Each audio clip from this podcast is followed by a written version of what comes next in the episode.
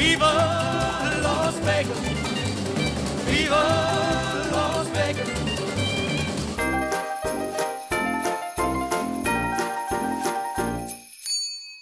Aflevering 261 van Team Talk van donderdag 16 november 2023.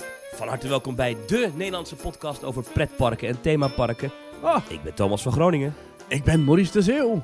En welkom terug bij Team Talk. Het heeft eventjes geduurd, maar we zijn er weer. We hebben een heel bak aan pretparknieuwtjes over de Efteling, over Zo, zo, zo. Toverland, over de Beekse Bergen, over Walt Disney World, over SeaWorld.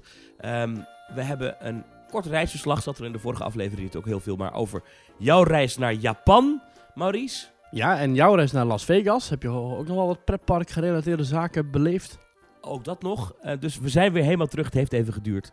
Eh, maar fijn dat we er weer zijn. En Ja. ik stel voor dat we gelijk gewoon erin duiken zoals het hoort. Maurice, wat is jou deze week opgevallen in pretparkland?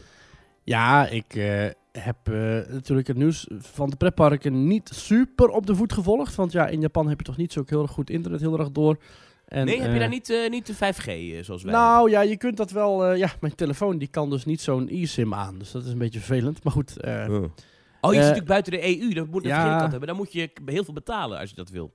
ja. Nou, je kunt dus een eSIM aanschaffen. Dat kan wel. En Ja. dan heb je een, eh, ja, een digitale simkaart eigenlijk. Heel simpel. Maar ja, die moet het dan wel doen op je telefoon. En eh, mijn telefoon die, die pakte dat niet. Ja, je hebt via airalo.com, A-I-R-A-L-O.com. Dan kun je dus een eSIM installeren voor eigenlijk alle landen. Maar ja, dan moet je telefoon er wel voor gemaakt zijn. En, En dat mijn kan je volgende- niet. Nee, ik heb een OnePlus telefoon. Leuk fun fact. En eh, de volgende telefoon, het volgende model kan het wel. maar die ik nu net Ja. heb, die kan dat niet. Maar goed. Nou, upgraden. Dat wordt upgraden. Ja, dat- maar dat ja, jij steekt dat upgraden. geld liever in de vakantie, denk ik. Precies. Ja, ik ga er liever Ja. voor. Ik ga naar eh, Tokyo Disney Resort. Maar goed. Ja. eh, dus ja, ik heb het pretparknieuws niet heel erg op de voet gevolgd. Maar eenmaal terug in Nederland heb ik natuurlijk alles aangeslingerd. Alle loopingjes en alle WDW-NT'tjes en zo. En zo kwam ik erachter dat de uren gepubliceerd zijn voor de after hours. En Thomas, ja, jij hebt mij ooit helemaal, en niet alleen mij, maar ook alle luisteraars is mijn helemaal... favoriete evenement bij Disney. Ja, precies. Helemaal wild gemaakt over hoe fantastisch dat wel niet is. De After Hours, eigenlijk een drie uurs evenement dat stiekem langer duurt. Want het is in de parken van Walt Disney World zijn natuurlijk s'avonds eh, misschien wel op zijn mooist. En dan kun je ze bezoeken tegen een gereduceerd, of ja, gereduceerd tarief dat niet, maar tegen een Oh, nou, nou, nou, gereduceerd aantal bezoekers Ja, ja. kan dan naar binnen tegen een bedrag van 120, 130, 140, ligt er maar even aan, eh, dollar per persoon, exclusief tax. Maar ik Ja. krijg dus wel drie uur lang, ja, Hollywood Studios, Magic Kingdom, Epcot of eh, Animal Kingdom voor jezelf. voor jezelf eigenlijk. Ja, met, bijna met geen ijsjes wachtrijen. en popcorn en drinken zoveel als je wil. Er is en inderdaad nu eten, zijn er dus de- standjes op sommige plekken met eten en drinken inderdaad. Gewoon Nou, extra. echt Oh. geweldig. Ja. Ja. Nou, nu zijn dus de uren bekendgemaakt van de nieuwe After Hours in het voorjaar van volgend jaar. En Thomas, Animal Kingdom stond er helemaal niet tussen. Ja, vind ik toch wel verbazingwekkend. Want Dat die vond was ik heel heel raar. populair. Die Animal Kingdom. eh, Ja, want jij was toen Hours. een Animal... Vooral vanwege Pandora was die Ja. heel populair. Ja, Ik ben daartoe geweest. ehm, waarbij je wel zag dat iedereen in die avond naar Pandora toe trok. Ehm, en dat Ja. eh, dat, eh, mensen pendelden eigenlijk tussen Expedition Everest en Pandora. En ik denk dat dat Ah. een beetje het probleem was van die after hours. Kijk, ja, oké, je betaalt een, een bedrag dat het park voor jou drie uur langer open blijft. Jij bent dan Mhm. de enige die in die attracties mag. ja. Ehm, op een gegeven moment ja, sterft het park helemaal uit, loop je in je eentje rond. Dat vond ik heel gaaf in Animal Kingdom. ja. Alleen, ehm, als je dan al overdag... Ja, ja, als je overdag dan al in Animal Kingdom bent geweest... dan heb je heel wat van die attracties al wel kunnen doen. En Animal Kingdom heeft denk ik gewoon net te weinig aanbod... om Ah. dit relevant te maken. Want wat zijn nou echt de highlights? Dinosaur, met alle respect... is een, is een geweldige eh, dark ride met bewegende karretjes. Maar ja, niet meer zo populair als vroeger. Daar kan je Nee. echt wel in. Overdag Eh, zit je daar in 20, 30 minuten in. Als je dat, eh, Precies. eh, Dus eh, de enige highlights zijn echt nog die Pandora en Expedition Everest. Dat park heeft gewoon heel snel een extra themagebied nodig met een klapper. nou, wat ik wel een, een hoogtepunt aan dat park is natuurlijk de safari. Maar was die ook tijdens de eh after hours of niet, de safari? Ik weet niet of dat de laatste, misschien dat het later wel zo was, maar de- toen ik er was, was de safari geen onderdeel van de, nee. ehm, van de after hours. Dus dat, Nee, dat, dat is- Ja, en Ja. dat is eigenlijk, als je gaat kijken naar Animal Kingdom, Het is inderdaad Expedition Everest, maar dat is een achtbaan. Dat is gewoon een machine. Het is inderdaad heel Pandora, maar dat zijn eigenlijk ook ja, twee machines, om het maar even onerbiedig te zeggen. Namelijk Flight of Passage en Navi River Journey. En dan inderdaad het andere hoogtepunt, ja, dat is dan toch de safaris. Maar ja, dat, dat is heel erg afhankelijk van levende dieren. En die gaan rond 5, 6, 7 uur weer terug naar hun, eh naar hun kooien, wou ik zeggen. Naar hun verblijven. Eh, ja, dus dat is dan een beetje klaar. Dus als het dan, ja, misschien Kali River Rapids. Een, eh, een, rapid river, zoals Piranha. Mm, ja. Die is heel vaak dicht overigens in de winterperiode. En die after Ja. hours zijn altijd in de winterperiode volgens mij. Dus, maar ik, ik, ik- het is een geweldig evenement. Hè? Het is het, het idee dat je... Je betaalt er wel een behoorlijk bedrag voor, maar dat is ongeveer even hoog, misschien net iets hoger dan een dag entree-ticket voor zo'n pretpark. Maar Ja. je mag dan al wel, het is niet dat je dan maar drie uur naar binnen mag. Je mag er wel het einde van de middag het park al in. Dus je hebt eigenlijk gewoon een dagticket die halverwege de dag ingaat. Alleen aan het einde daarvan heb je drie uur ook nog eens een keer het park voor jezelf, tussen aanhalingstekens. Maar Ja. het aantal bezoekers voor die after hours houden ze bewust heel erg laag. ja, dat zal om- misschien om een paar duizend zijn. Maar dat is voor zo'n park Ja. natuurlijk alsnog heel weinig. En eh, Ehm. het gaat dan ook om eh, eh, tot half één s'nachts is het nu dan ook, de after hours. Want die zijn er wel gewoon nu in de studio's en Epcot en Magic Kingdom. En dan Geweldig, steeds tot half één s'nachts. Ja. Ja, nee, ik, ik ben een groot liefhebber van de after hours. Ik heb dat echt Ja, met die ijsjes en die popcorn. En, ehm, Kijk, en het is voor hun natuurlijk een briljant iets. Want ja, ze hebben s'avonds dan even niks in die periode. Het is wat rustiger. En volgens mij verdienen ze hier een hoop geld aan. Want ja, je betaalt wel eh, meer dan 100 dollar daarvoor. Ja maar eh, wat mij dan dus in het verlengde daarvan ook opviel, dat dit dus niet in Tokio wordt gedaan. Dus daar gaan de parken open tot, ja, in dit geval 9 uur s avonds. Om 9 uur s avonds was het ook klaar. Eh, en dat is qua wachttijden was het ook zo dat als er bijvoorbeeld een reis stond van 40 minuten, dan ging de attractie ook om tien voor half negen dicht. Ja, dat vind ik dus toch ook wel jammer.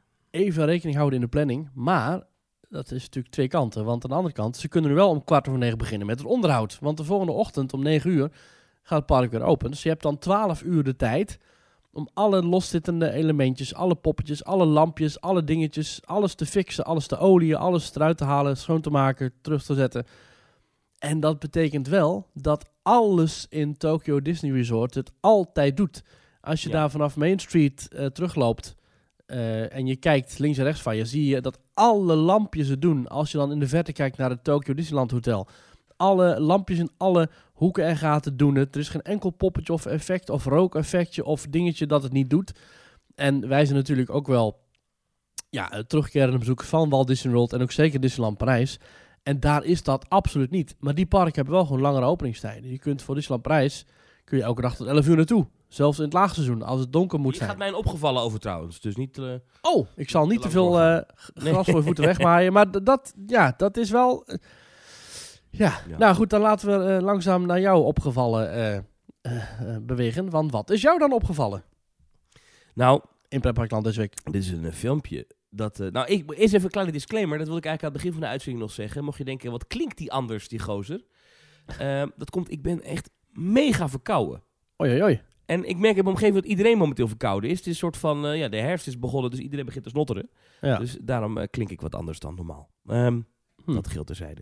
Ik wil dat toch gezegd hebben. ja. Eh, Wat mij was opgevallen, er is een filmpje opgedoken van Frozen Ever After. En Frozen Ever After is de bootjes dark ride in Epcot. Ehm, En straks ook in Disneyland Parijs. En inmiddels ook in Hongkong Disneyland. En straks ook in Tokyo Disneyland. Ja. Waar je in een bootje zit en dan langs een paar Frozen scènes vaart. Nou, Ja. hartstikke leuk. Ehm, dus de attractie eindigt met een scène dat de zusjes, Anna en Elsa, naast elkaar staan in vrede. Een beetje het einde van de- eerste film, zeg maar. En dan zwaaien ze naar het publiek die in het bootje voorbij vaart. En dan is allemaal, ah, happily ever after. Ja, mooi. Nou is er wat met die scène aan de hand, want de gezichten van die poppen, zijn hele vloeiend bewegende poppen, maar die gezichten zijn erop geprojecteerd. Er zit een soort van beamer aan de binnenkant, een projector. Ja. En die, die, dit is een animatie van het gezicht van die figuren. Het ziet er best goed uit hoor, dit echt. Maar dan moet die beamer het wel doen. Ja. Nou heb ik ooit gezien in ehm, eh, De de Seven Seven, Dwarfs Mine Mine Train. Ja. Dat die ehm, projectoren nog net uitstonden en toen aansprongen. Maar toen was er zo'n logo van 3M Technologies te zien in de gezichten van al die animatronics. Doodeng. Hier was het een soort van zwart eh, de- lamp van de beamer was uit. Was bij zowel Anna als Elsa in dit filmpje. Het Ja. gezicht gewoon helemaal zwart. Dus je zag wel de contouren van het gezicht. Je zag een heel lijf wat zwaaide. Alleen het hoofd was een donker Ja. zwart gat.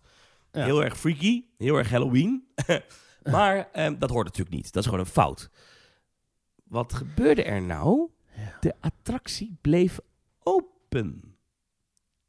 Ja. En daar ontstond wat discussie over op, eh, op social media. Van hoe kan dit nou? Want eh, ook mensen die vroeger bij Disney werkten, die zeiden. Dan verklaren wij, zoals ze dat noemen, 101. Ik, ik weet niet precies wat dat is, maar een soort van interne code om te zeggen: jongens, er is iets mis met de attractie. We moeten hem sluiten.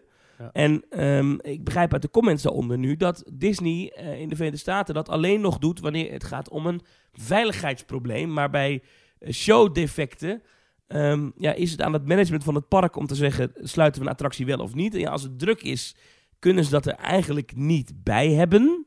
Nee. En dus blijft zo'n attractie gewoon open. Dat zou Walt Disney nooit goed hebben gevonden, denk ik. Denk jij wel? Nee, die eh, gooide... Dat, daar werd Pirates of the Caribbean in principe dichtgegooid... als daar de grote eh, veilingmeester animatronic het niet deed. Ja. Maar we hebben toch al regelmatig gezien dat die er ook een beetje voor pampers bij hangt. En ja, Ja. ja. Ik, vind Ja. dat wel, ik schrok daar wel een beetje van. Dat Ik dacht, kijk, als een klein effectje op de achtergrond het niet doet, maar als zo'n groot bepalend effect, wat echt, ja, weet je, en je kijkt ernaar en je denkt, dit klopt niet. Als dat stuk is, dan denk ik eigenlijk, ja, laat even Jopie van de technische dienst komen om die, Ja. ehm, om die projectoren te fixen. Wat ook niet makkelijk zal zijn, denk ik hoor, want het zal vast ingewikkeld zijn. Maar, Ja. nou ja, dat viel mij op. Om maar gelijk lekker negatief de toon te zetten. Het begin van deze aflevering. Voor het eerst in een tijdje. dat is wel grappig. Ik zit even te kijken die codes waar je het over hebt. Hè, die 101. Ja. Eh, er zijn verschillende codes. Eh, inderdaad, die 101 is eh, als een attractie in Disneyparken dicht moet. The cast members will let each other know that the ride is a code 101. Eh, je hebt ook code 102, dat is als alles weer open mag. Oh. Je hebt ook een code 70, signal 70. Dat is, Dat is? als er een kind kwijt is. Huh. Uh, Oké. The code that cast members use to inform other cast members in the park that there is a child missing is signal 70. Uh, Dat zal wel vaak gebeuren, denk ik. en heel grappig, als er dus een castmember een, een, een moeder of een vader vindt of iemand anders die zeg maar zijn kinderen kwijt is, dan hebben ze het over een lost adult. Zodat het kind het niet eh, opvat alsof zij kwijt zijn, maar alsof de volwassenen kwijt zijn. Nou, dat is toch een leuke manier om te zeggen. Nou ja, ehm, ja die, inderdaad, die, die, die Frozen eh, Black Faces, zoals het al werd genoemd op Twitter. Ja, het is. eh, ik vrees dat dit wel iets is wat, we, wat we vaker gaan zien. met, met, met ja, toch af en toe wat haperend onderhoud in de park. Maar het probleem Ja. is ook dat alles wordt tegenwoordig gefilmd. Hè, er hoeft maar ergens een Ja, pop dwars ja, te liggen. En het is gelijk, wordt het op Twitter gezet. Gelijk wereldwijd iedereen. Oh, dat is belachelijk. En ja, terwijl vroeger was dat gewoon een ding. En dan was dat binnen een paar uur gefixt. En dan is het misschien. Ja, vroeger was een storing gewoon een storing. En nu is het wel gelijk een dingetje. Dat is, dat is wel het een nadeel van social media en zo'n hele grote online fancommunity met alle mensen die dingen vinden. Ja. Dat, dat is natuurlijk dat is wel een ding, ja. Ja. Nou ja. Maar ja, eh, het, het probleem is hier dus niet per se dat die, dat die beamer het niet doet. Maar dat dus de attractie open blijft. Ook al weten ze dat die, dat die pop het niet doet. Maar jij hebt daar Maar- in, in, in Japan heb jij daar niets gezien wat niet werkte Nee. bij die Disney parken. Helemaal deed niks. het. Alles deed het. En dat is dan, voor zover wij het weten, maar eh, Mark en ik zijn toch allebei wel aardige Disney-gekkies en, en pretparkgekkies. En we weten wat er, dat, dat bepaalde waterstralen, dat bepaalde lampjes, dat bepaalde rookpluimpjes, dat bepaalde geluidjes het moeten doen. En alles waarvan wij wisten dat het er was, en alles waarvan duidelijk was dat het er ook was. Hè, dus als je een enorme rij met lampjes hebt, en eentje zou niet, niet werken, dan zou je dat gelijk zien. Maar dat was dus niet het geval. Het was niet bij de grote gebouwen aan de buitenkant. Het was niet bij de dark rides aan de binnenkant. Het was niet bij eh, wachtrijen. Ook, ook bijvoorbeeld de Gravity of zo, of al viltstiften. Nergens iets van te zien. Het was allemaal Ah, spik en dat is in- span. Het was Dat is in allemaal- Disneyland Parijs ook niet, geloof ik. Volgens mij wordt dat allemaal weggehaald. Dat, dat, dat, dat, Ja, dat- maar ja, ja, ja, ja. Ja. Een hele enkele keer natuurlijk een idioot iets met een sleutel in de muur zit te krassen. Ja, daar kan je weinig aan doen. Maar dat wordt wel weggehaald, heb ik het idee. ja. Nou, hoe dan ook. wat, wat, was, wat was de beste attractie? Ja, dit is weer zo'n ding. Ja, weet je, wie vindt het leuk? Je vader of je moeder? Ja, ik- Ach, hou nou toch op. Gewoon antwoord geven. Dat is moeilijk te zeggen, Thomas. Eh, eh, eh, waar heb je het dan over? Heb je het dan over qua, qua muziek bijvoorbeeld? Vind ik Waar je Storybook Voyage de Waar beste was je het meest van onder de indruk? Deze, deze trip. Ja, ik ben misschien wel... Ik, ik was heel erg onder de indruk. Ja, het klinkt heel stom. Omdat Ja. ik die attractie nog niet had gedaan. Van eh, de voorshow van Soarin. Eh, je hebt daar ook een Soaring, die is nieuw. Die is daar nieuw gebouwd. En dat is sowieso een prachtig gebouw. En daar is een helemaal... Ook een enorme backstory met hoe je dan door de wachtrij gaat. En hoe je eigenlijk eh, allerlei bekende mensen die vroeger hebben gevlogen. En op een gegeven moment kom je dan in een wachtrij met... eh, eh, d- komt er een voorshow met een schilderij. En ja goed, ik ga niet al te veel spoilen, maar het is fantastisch Oh, mag je gedaan. Oh nee, we gaan er volgend jaar heen. Ik wil zeggen, ik Ja. kom daar nooit. Je mag het wel spoilen, maar ik, ik- we zijn daar Nee. volgend jaar gewoon. Jij gaat er volgend jaar Ja. naartoe. Dus Ja. dat, die voorshow en dan ga je nog verder en dan ga je nog wat een wachtstukje in. En dan... Nou, ik zal het even heel erg... Er verschijnt Ja. Bij Soaring moet je op een bepaalde manier moet je instappen natuurlijk. En dat moet natuurlijk worden uitgelegd. Want mensen die het lezen, of mensen die erin gaan, die moeten het lezen, die moeten het visualiseren, die moeten het snappen. En bij alle andere attracties overal ter wereld, waar dan ook, Thomas, hangen er gewoon schermen, televisieschermen.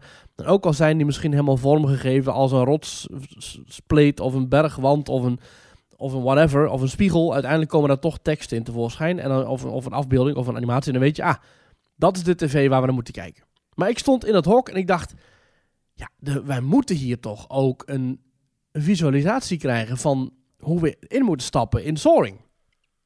Waar hangt Ja. die tv? En ik kon hem gewoon maar niet vinden. En Thomas, daar kwam dus... Ja goed, waarschijnlijk kun je het vinden als je zelf even zoekt op, eh, op YouTube. Maar ik ga het niet spoilen. Hoe daar dan in één keer op een bepaalde manier een scherm toch tevoorschijn komt. Ja, ik was helemaal... Ik zei van, nee, dit is... Hoe... Bizar.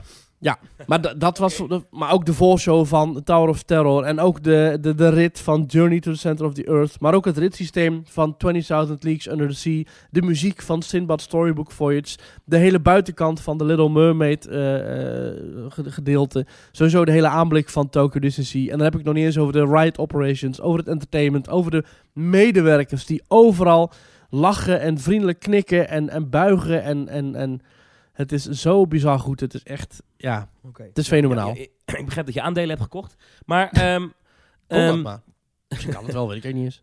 weet ik niet of de Oriental Land Company, die daar eigenaar van zijn, of dat beursgenoteerd is. Dat weet ik niet. Hmm. Ehm, wat ik wilde vragen, want ik dacht toen we toch hier zijn, eh, en laten we maar gelijk even een tussenstand geven. Want Ja. in de tijd dat er even geen afleveringen van Team Talk geüpload waren, omdat ik eh, een beetje druk heb met verkiezingen en jij eh, op vakantie was en ik daarvoor nog even op vakantie was naar Las Vegas. Ja. Ja, ja. Ehm, eh, is er wel iets gebeurd? Want wij, er is behoorlijk wat gebeurd. We hebben namelijk ehm, al eerder in Team Talk een reis aangekondigd naar Japan. De Team Tour volgend jaar oktober. Ehm, wij gaan met een groep mensen die kant op en, en, en je kan mee. Maar we hebben die reis geopend op onze Petje Af pagina. Voor de mensen die Petje Af lid geworden zijn. Die kregen ook voorrang. Dus die gaan sowieso mee. Die mensen die Petje Af Ja. waren. Ehm, we hebben ehm, daarna ook in onze appgroep. En we hebben daarna op onze Instagram en op andere plekken gepusht van... hey, de, de reis is nu te boeken. Maurice, even een tussenstand. Hoe ver zijn we? Ehm, Hoeveel mensen gaan er mee ongeveer? nou, ja, dat aantal, dat kan dus nog wijzigen. Want de officiële, het officiële aantal reizigers dat we hadden vastgesteld, dat zit vol. maar ze zijn We nu dus vol. bezig bij we even ja, besef. We zitten vol. ja, Er is geen aflevering geweest waarin we Nee. hebben gezegd... hey, boek even, want daar hadden we geen tijd voor om die te maken. Ja. Wat heel erg is. Op de, maar, en dus zonder dat we eigenlijk reclame gemaakt hebben, ja. zitten we vol. Ja, ik heb het in de vorige aflevering heel even over gehad. In de, in de intro van jongens, dit is de link. Maar we gaan het er nog over hebben. Wij wilden nog inderdaad een aflevering opnemen samen, jij en ik. Ja. Over dus inderdaad die, die reis. Eh, die kans eh, is door drukte niet helemaal gekomen. Maar het was niet nodig, want eh, via social media en alle andere platforms hebben mensen ons weten te vinden. En de website van Florivida. En de reis zit vol, maar ik ga gelijk even toevoegen. Dit Maar? is zeg maar de eerste lichting en er is inmiddels een wachtlijst. En het gebeurt altijd dat mensen toch niet mee kunnen. Dit gaat in de eerste weken gaat het gebeuren en in de laatste weken gaat het vooral Ja, gebeuren. dus nu gaan er nog mensen afvallen die ineens... Oh nee, ik heb toch dan Ja. Een uitvaart. Eh, of, of in de laatste weken dat dan mensen zeggen... Oh, ik heb toch een verjaardag. Weet je, dat, dat is wat Ja. er gebeurt. Dus Ja. ehm, je, kan je nu aanmelden bij de wachtlijst. Nou, de vrienden van Florivida die houden het allemaal bij. Die organiseren die reis. En wat zij doen is zij werken die wachtlijst van boven naar beneden af. Als er een plekje vrijkomt... Dan worden mensen benaderd. En we hebben vorig jaar, ik zeg vorig jaar, maar het is inmiddels alweer dik twee jaar geleden, dat we naar eh, Dubai gingen. Ja, officieel kalendertechnisch is het vorig jaar, hè? januari Ja, 2022. Maar toen hebben we echt in de laatste week eh, van 2020, of 21, ik weet het niet 21, ja. van 21. Toen hebben we echt nog wel mensen die heel last minute eh, ineens dat we zeiden: hey, er is een plekje vrij eh, Ja. via de wachtlijst. En toen zijn er mensen zo gek geweest om heel kort van tevoren nog te zeggen: oké, dan ga ik mee. Ehm, dus zet jezelf op die wachtlijst, dat is leuk. Ja. Toch? Ja. Ja, dat is zeker leuk. Dus dan heb je een- geen gegarandeerde plek. Ehm, maar dan heb je wel... Ja, dit gaan we natuurlijk niet hard roepen. Maar die kans is zeker aanwezig dat je dan alsnog meegaat naar de Ja. teamtour naar Japan zal je altijd jaar. zien dat jij dat nu gezegd hebt en dat niemand zich aan u afmeldt. Ja, dat zul je zien. Dat kan, nee, dat maar kan ik geloof dus dat ze... eh, Ze zijn natuurlijk... eh, bij Florivida hebben ze natuurlijk met hotels, met airlines, met eh, transportorganisaties... hebben ze wel geïnformeerd over een x-aantal reizigers... wat mogelijk zou zijn. En daarin valt volgens mij altijd wel een beetje te rekken. dus Ja. Ja, maar het is, het is, het is wel, eh, ehm, dat, dat viel ons wel op, dat kunnen we gewoon wel zeggen volgens mij, dat ehm, het, het, het is wat moeilijker in Japan dan in de rest van de wereld. Om dit allemaal voor Ja, zo'n grote groep te regelen. Japan is super aardig, super meedenkend en super lief. Alleen het is wel, dit zijn de regels en dat is het. Ja, dus als wij Ja. dan zeggen, ja, maar wij komen met zo'n grote groep, zouden jullie het misschien ook zo en zo kunnen Nee. doen? Nee. Dat, dat, dat gaat er niet in, hè? Dat, dat doen ze Nee. niet. Nee. Ik heb daar een leuk voorbeeld van, maar eerst ga ik nog even de link noemen. Dat is florivida.nl, schuine streep, theme tour, klein streepje, Japan. Wat ben je toch Eh, ook een reclameman, hè? Vertel het nog een ja, keer. Nog één keer, kom maar. Theme, ja, dat is florivida.nl slash theme tour, streepje, Japan. Nou, wat een je- commerciële, wat een reclameman ben jij. Ja, Oh. ja, ja. Goed, Het leuke goed, was- goed. Ja, Ja, sorry. Wij sliepen in het hotel Okura Bay. Dat ligt aan de resortline van Tokyo Disney Sea. Want eh, de parken liggen daar Oh, back Korabe. back. Oh, Ja. Is trouwens leuk, dat vind jij interessant. Jij bent van bedrijvenman. De, de, de eigenaar nu is een Nederlander van Okura Hotels. Maar goed. Dat klopt, ja. Ja, ga door. Ja. ehm, en naast dat Koera in. Amsterdam, hè? Bekend bij veel mensen, denk ik wel. Ah, ja. Naast het hotel lag, of Ja. ligt het Toy Story Hotel. En dat is het Toy Story Hotel van Disney zelf. En dat is onlangs geopend. Eh, dat is echt een gloednieuw hotel. Gaan we daar En- ook slapen? Of, eh? Nou, dan gaan we niet slapen met de teamtour. Oh. Maar eh, dat, daar heb ik wel geslapen in Shanghai. Dus ik dacht, oh wat leuk. Ze hebben hier hetzelfde hotel. Ik ga even naar binnen. En, maar er stond dus op de oprit stond dus een mannetje of een vrouwtje. Een Japans mannetje of vrouwtje. En die zei van, hallo, eh, ben je gast? Ik zei, eh, nee, ik, ik wil graag even komen kijken. Nee, nee, dat kan niet. Het is voor hotel guests only. Ik zei, nee, ik, ik, ik snap, ik, ik snap dat ik hier niet kan... Ik snap dat ik hier niet kan komen eten of zo. Maar ik wil gewoon even in de lobby even kijken. Even. Nee, Nee, dat mag niet. Mag alleen als je hier slaapt en een reservering hebt en die kunt laten zien. Dan mag je ook het terrein betreden van het hotel. En toen viel me ook pas op dat er echt grote zwarte hekken tussen allemaal mooie groene hagen in stonden. Je kunt gewoon dat terrein niet op. Nou, en elke keer zijn wij dus gaan proberen om dus eh, vriendelijk vragend toch te zeggen, want we kwamen toch elke avond terug vanuit het park, om dat langs die poort lopen. En iedere keer zeiden we weer van, goh, hè, zouden misschien even mogen kijken. En heel netjes en beleefd, hè. En dat vinden de Japanners allemaal prima. Ik zei van, hè, we zijn de grote Disney-fans. En, eh, dat doe je dan in het heb- Engels, doe je dat dan, hè? Of- ja, eh, precies. precies. ja. En zelfs, nou ja, ook met, met de Say Hi app erbij. Want soms kunnen ze ook niet echt eh, Engels. En dan zei ik ook van, hè, Wat is dat? Say Hi, dat is een heel handige app. Ja. Die is van Amazon volgens mij. En dan heb je dus een, eh, ja, is van Amazon. Eh, eh, S-A-Y-H-I, dat is Say Ja. Hi. En dan kun je dus inspreken wat je wil. En dan vertaalt hij het. En dan kun je het ook meelezen. En dan kun je van elke taal naar alle, eh, alle, eh, iedere andere willekeurige taal. Dus dan dat spreek je iets in en dan komt er Japans uit. En je kunt hem ook bij de radio houden om Japanse songste- eh, songteksten te vertalen of whatever. Dat werkt echt perfect. Maar goed. Oké. En toen zei ik dus... Ja, we zijn grote fan, pretparkfans. En we vinden het een fantastisch hotel. En we hebben ook in ditzelfde hotel in Shanghai geslapen. En is er niet een mogelijkheid dat we toch heel even... Ik weet als het niet kan, dat vind ik prima. Maar is er toch niet een mogelijkheid dat we heel eventjes... Gewoon alleen even de tuin kunnen bekijken. Alleen even de binnentuin kunnen bekijken. Dus dat had ik zo gestuurd.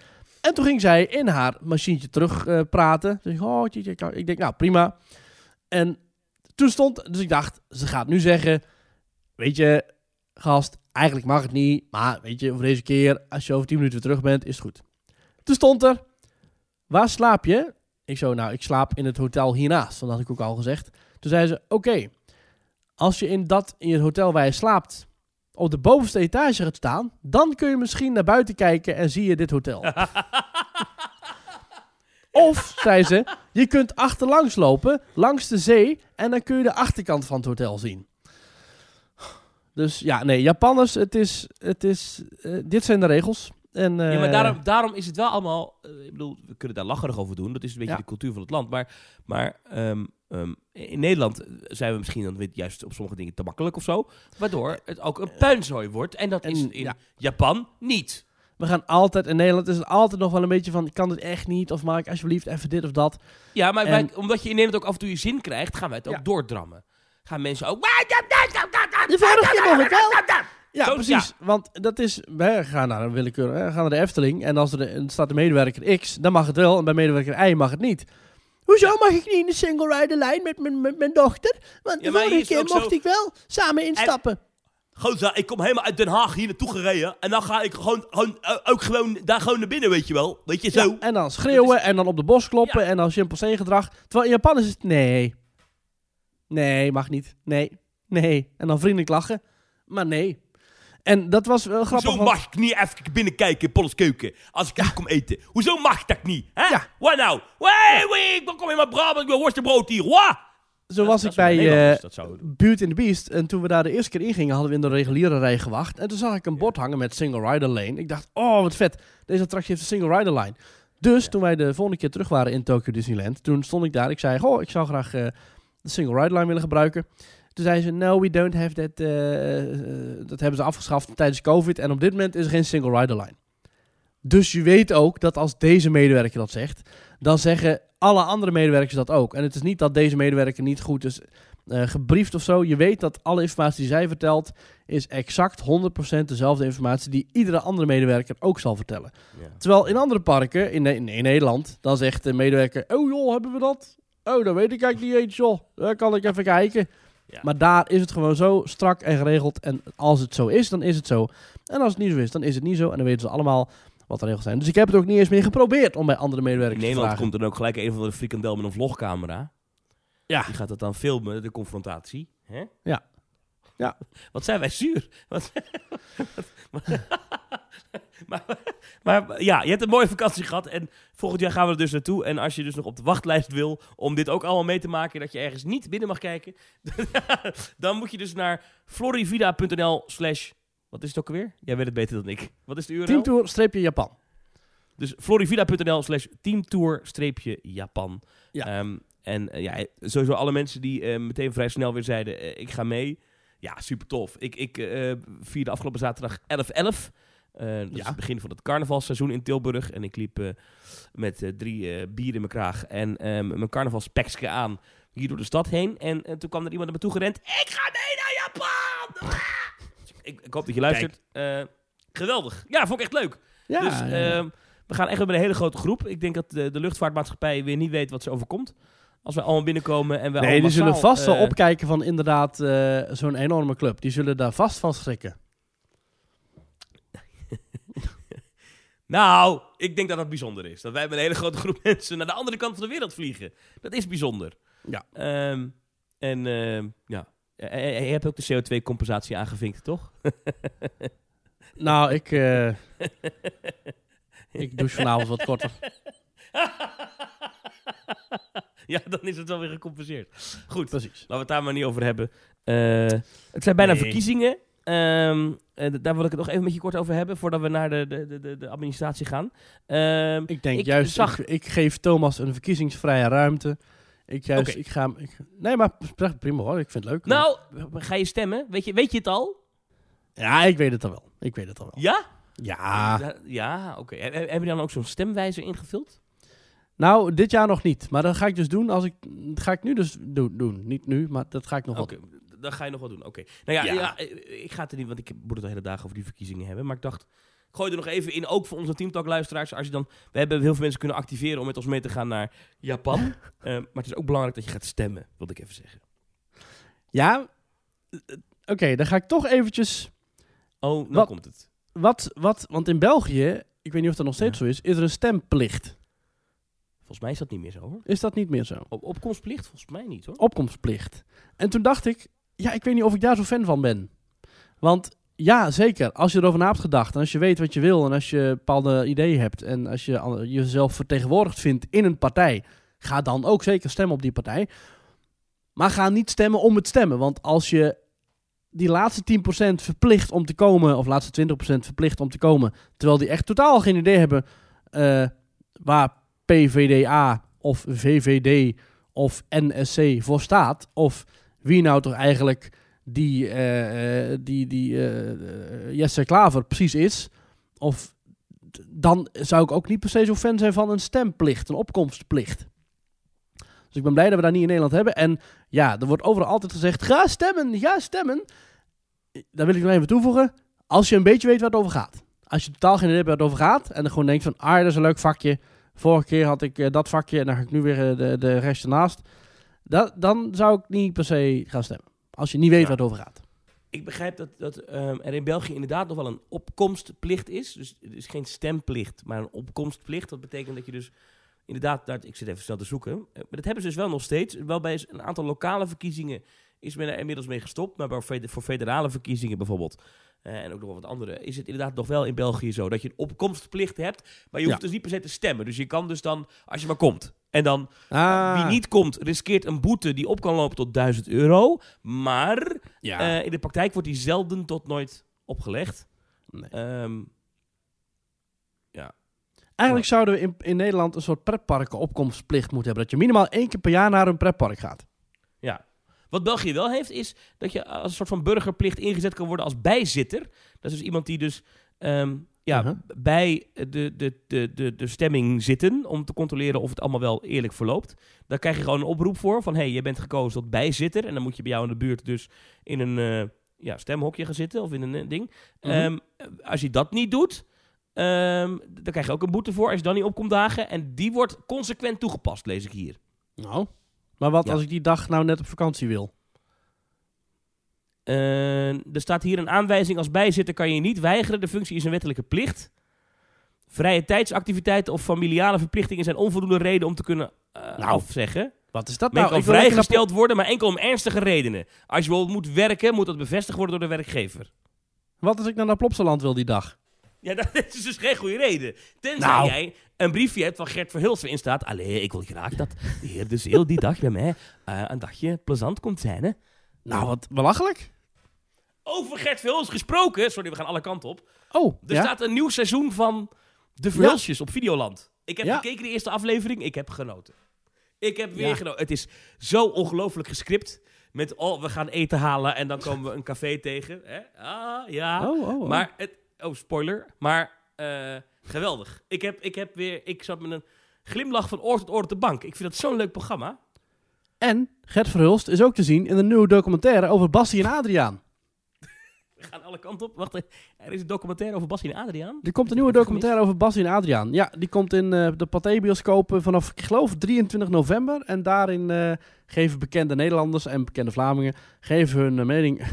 dat ze echt zeggen dat het vreselijk Ja. is. Oh, En ik geef zie een hier, mening- Een schat aan herinneringen heet de film. Ja, Ja. en die is van- vanaf 23 november te zien. En Paul de Leeuw en Gert Verhulst en waarschijnlijk nog heel veel andere. Hoe heet die, die van die, die, die Bacardi Lemon, die gast, die, geven, die zeggen hoe leuk het allemaal is. Eh Bassie en Adriaan. In de documentaire zal worden teruggeblikt op de turbulente en langdurige carrière van de broers Bas, 88, en Aad, 81 van Thor. Die zelf Ja. materiaal uit het archief hebben geselecteerd. Ja. Ehm, een woordvoerder van eh, de broers zei: Het moet een document worden dat hun hele leven en carrière weerspiegelt. ja, dat is Er toch zullen fantastisch. unieke beelden in zitten van hun tijd als de Crocsons, hè, want ze waren ooit een acrobatenduo. Ja, met stoelen op elkaar klimmen. Ja.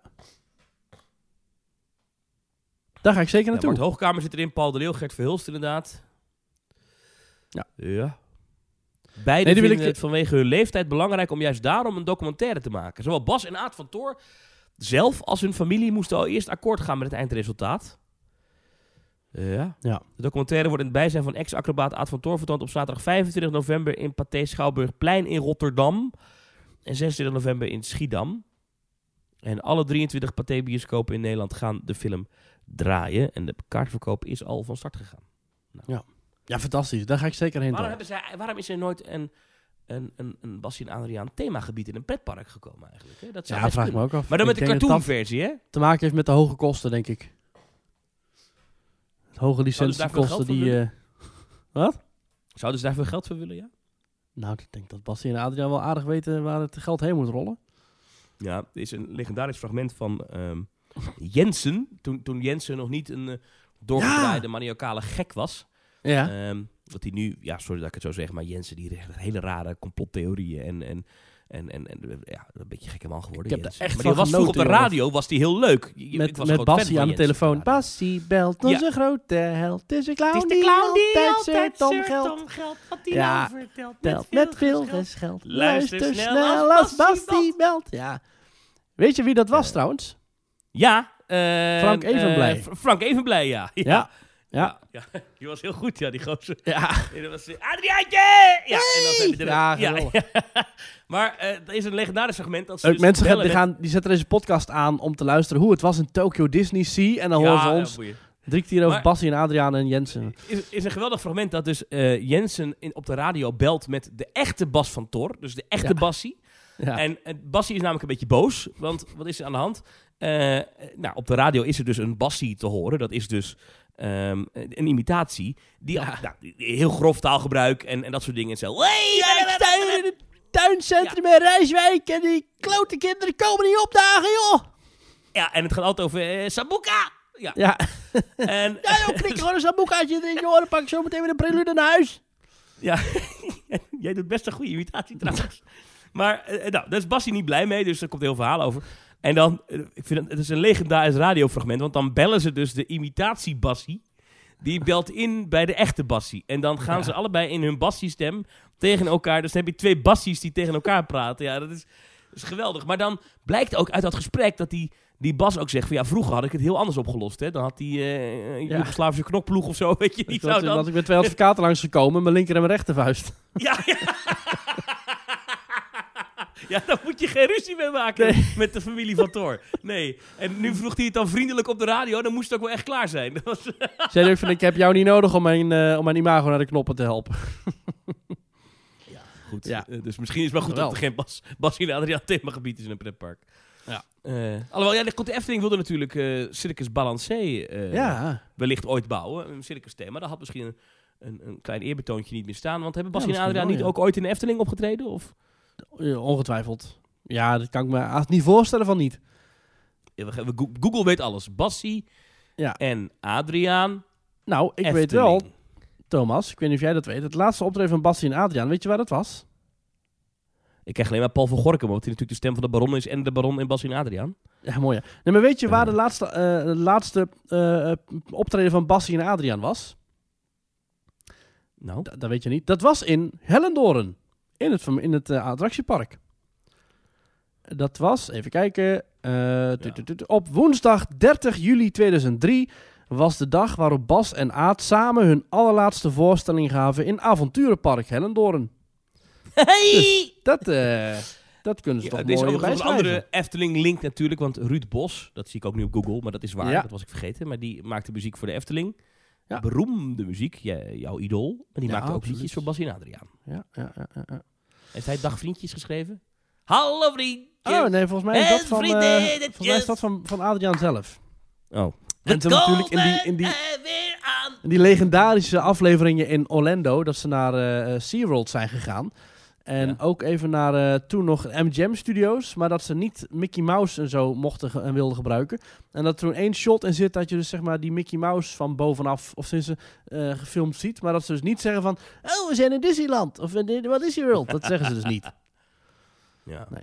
Ehm, en, natuurlijk- Mike Oldfield met de Tubular Bells, wat altijd, eh, als het spannend werd. Ja. En natuurlijk Paul van Gorkum, hè, die we terug horen als baron in Baron 1898. En dus ook de baron in eh Bassin Adriaan. Drommels, drommels, drommels. Goed. Geweldig. Tot zover deze, dit enorme zijpad.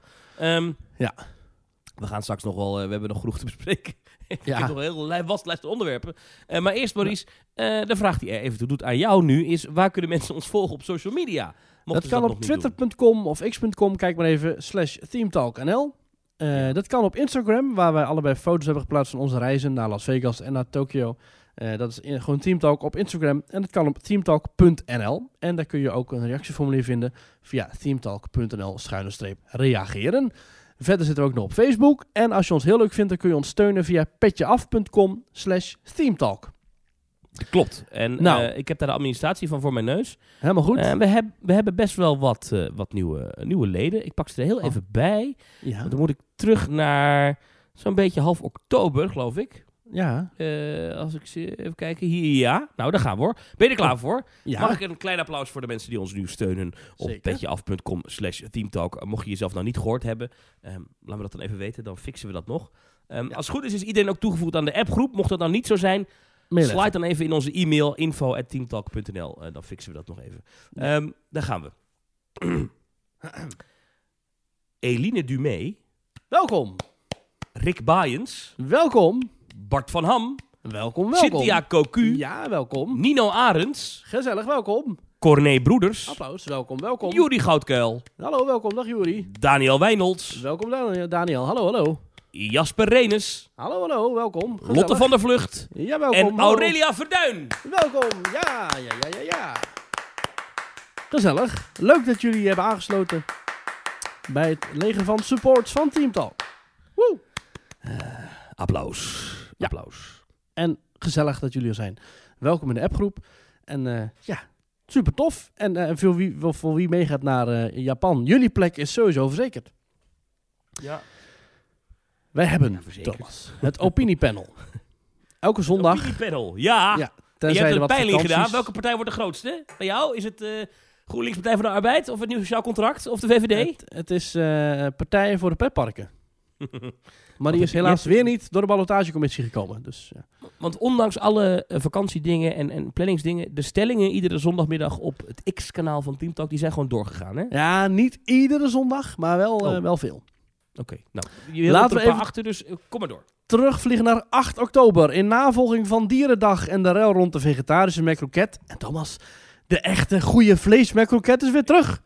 Deze Ik rel, op. zijn, dit was zo lang geleden, deze stelling, dat iedereen deze rel alweer vergeten is. Ja, maar ik was Tijdelijk toch was er een vegetarische McCroket en er Ja, waren mensen die vonden dat goor. uitsluitend de vegetarische macroket. Er was geen Ja, ja, keuze. je kon de normale niet krijgen. nee. Nee, ik zou de Partij voor de Macroket oprichten. Maar dat hoeft dan niet meer, want de normale, de gewone, de goede is alweer terug. Hij was weer heerlijk, Thomas.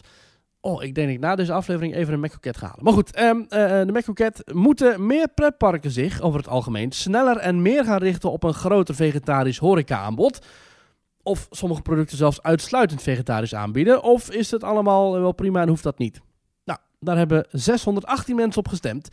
En 41,1% zegt: nee, dit tempo is prima. Dus de snelheid waarin vegetarische salades en vleesvervangers en dat soort zaken op de kaart komen te staan in, eh in pretparken is volgens 41,1% helemaal prima dit tempo. 33,8% zegt, nou nee, dit mag nog, nog wel sneller. Dus een derde zegt, er mag nog wel meer en, en sneller eh, vegetarisch aanbod komen in pretparken. En 25,1% zegt, nee, het gebeurt al te veel. Dus die willen een drastische afname van vegetarische opties en vleesvervangende keuzes. Waarom Nou. zou je dat willen? Waar- waar- waarom zou je dat laatste willen? Nou ja, als er als, als op een. Kijk, je hebt maar. Kijk, de, de, de- ik zeg maar wat. eh, er zit twee meter aan, aan ruimte op de plank in, eh, in de Zwarte Kat.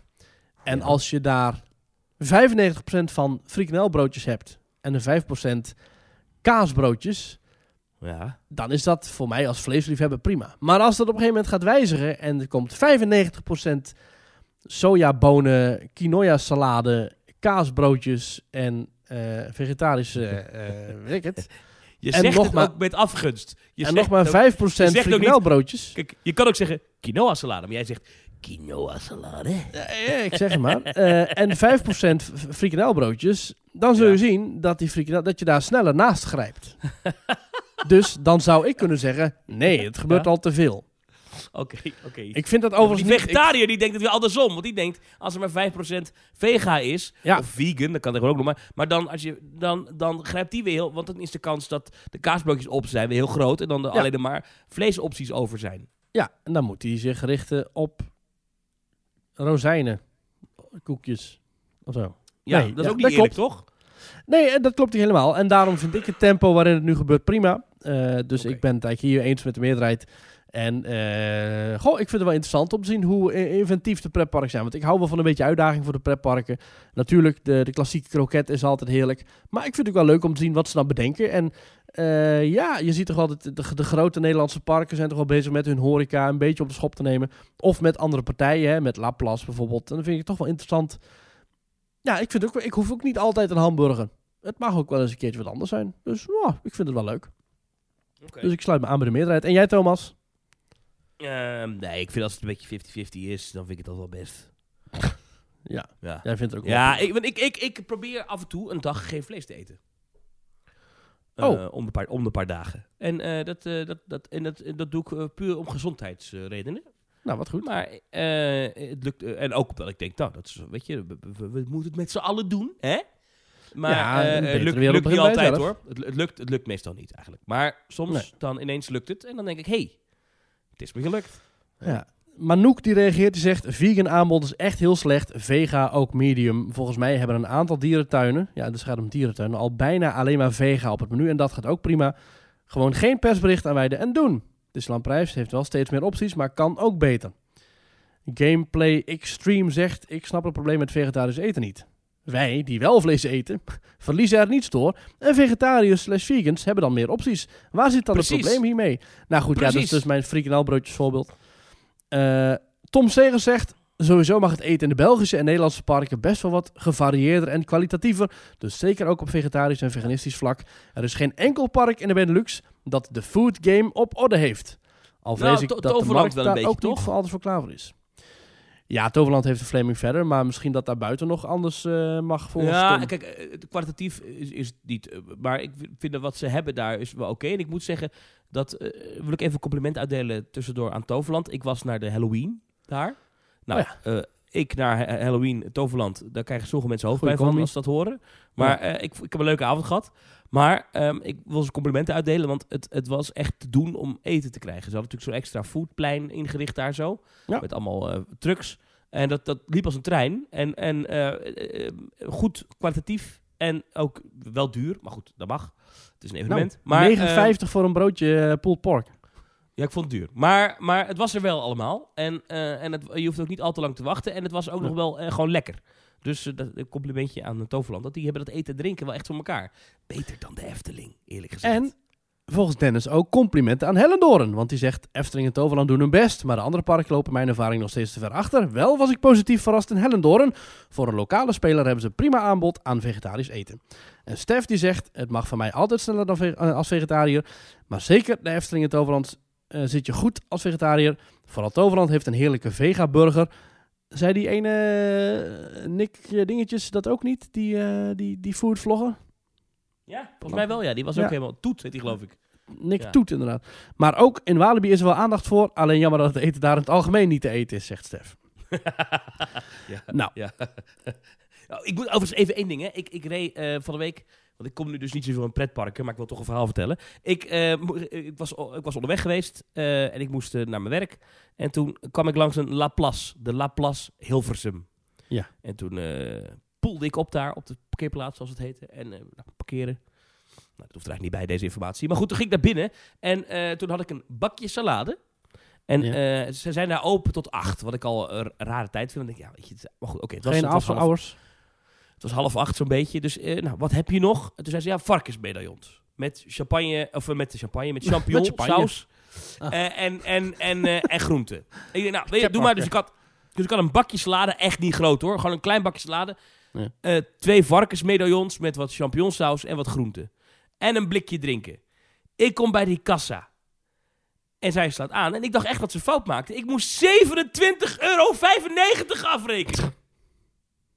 Ja.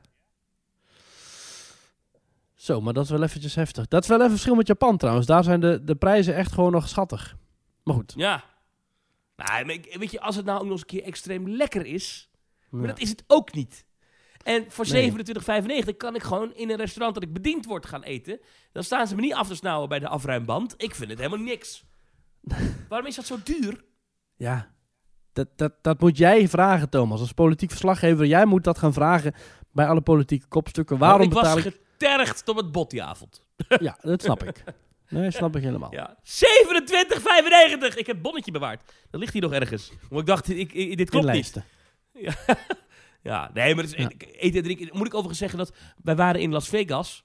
eh, Ja. eh, en toen viel mij wel weer op dat, dat was in januari toen ik in Orlando was. Nou, dat klink ik echt als een wereldreiziger. Maar toen viel mij ook al op dat, dat eten en drinken in Amerika echt duur geworden is. Ja. Ehm, ik kan me herinneren van eerdere reizen, onder andere naar Orlando, maar ik ben ook wel naar de Westkust geweest, weet ik veel. Dat bijvoorbeeld ontbijten bij een IHOP of een Denny's, dat is allemaal best wel te doen. Dat kan je bijna iedere dag doen, want het kost niet zoveel. Ja. Die tijd is wel geweest hoor. Het is echt, Hmm. ook Amerika qua eten en drinken is echt heel duur geworden.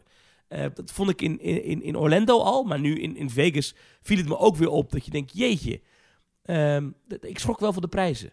En nu ga je in Orlando en Las Vegas natuurlijk ook niet naar de, de goedkoopste regionen. Nee, maar als je gewoon naar gewoon zo'n diner, dat, dat, zijn, dat waren, kan ik mij herinneren van reizen die ik maakte in 2019 of in 2021, Ja. waren dat niet de duurste plekken. Ehm, en en, en die, ook die plekken zijn nu gewoon, ehm, ja, weet je, zit je gewoon boven de prijs wat je in Nederland betaalt voor een bord eten. Ja. Echt. En eh, f- f- f- nee, ja, dat, dat was in het verleden niet zo. En nou is de dollar nog een beetje gunstig. Eh, dus die is iets goedkoper dan de euro. En dan nog denk je, oeh, dat was duur. Ja. Ja, de yen Nou ja. die staat dus heel zwak op dit moment, dus dat is wel gunstig ook. Dus je kunt, zeg maar, 1 yen is ongeveer, eh of 1 euro is ongeveer 60 eh, cent. Eh, Kan nee, je lekker andersom. jennen. hè? 1, 1 yen is, ja precies, dus voor 100 yen is ongeveer 60 cent, eurocent. Dus dat is, eh, dat, dat is gunstig onze kant op. Dus als dat Dus volgend jaar jij, nog steeds jij is, ervaarde het ook als goedkoop daar. Je, Ja, je, je absoluut. voelde je rijk. Een rijk man. Zeker. Ik voelde mij zeer bevoorrecht. Mm. Ja.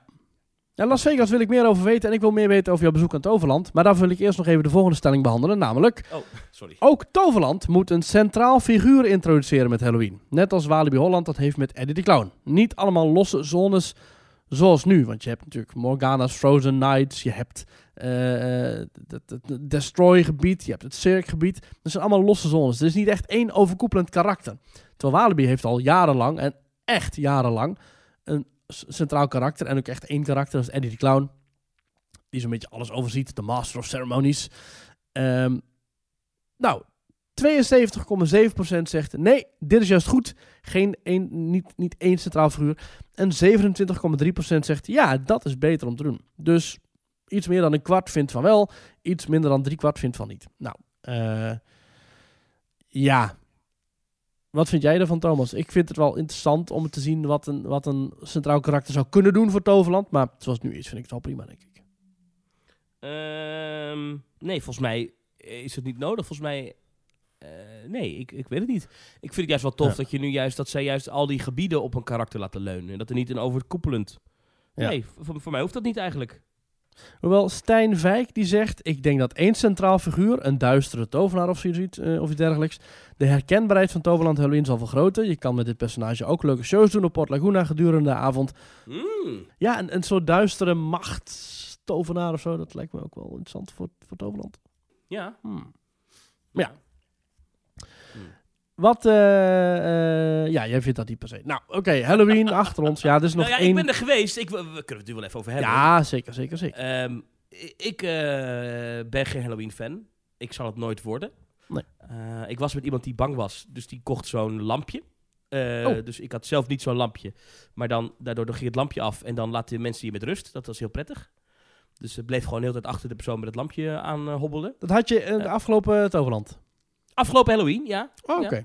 Eh, ik ben geweest. Ja, nee, ik vind, ik vind als ik een podcast maak over pretpark en ik heb overal een grote bek over, Ja. moet ik ook gaan ook, toch? Dus nee, Nee, ik ben geweest. Ja. Eh, eh, het, was, het was een zaterdagavond en ik begreep van iemand van Toverland dat het mogelijk een van de drukste avonden ooit in de geschiedenis van Toverland Ah. kon worden. Dat was geloof ik net niet, maar het was echt heel druk dus. Ja. Ehm, dat merkte je ook meer dan een uur voor Troy in de rij gestaan. Ah. Ehm, ja, dat vind ik toch vet om in Troy in het donker te zitten. Ja. Ehm, maar verder heb ik eigenlijk bijna geen attracties gedaan. Omdat ja, het, het dus gewoon eh, zo druk was. Maar de sfeer was goed. Ik, ik, ik Ja. moet eerlijk zeggen, ik, ik hoor iedereen altijd over die, eh, over die, die cirque. Nou, vond, ik- vond ik leuk ook hoor, vond ik Mhm. lachen. Maar wat ik eigenlijk eh, best wel tof vond, eh, dat vond ik de vorige keer ook al. Dat is, en ik weet niet hoe het heet, maar dat met die zeemonsters.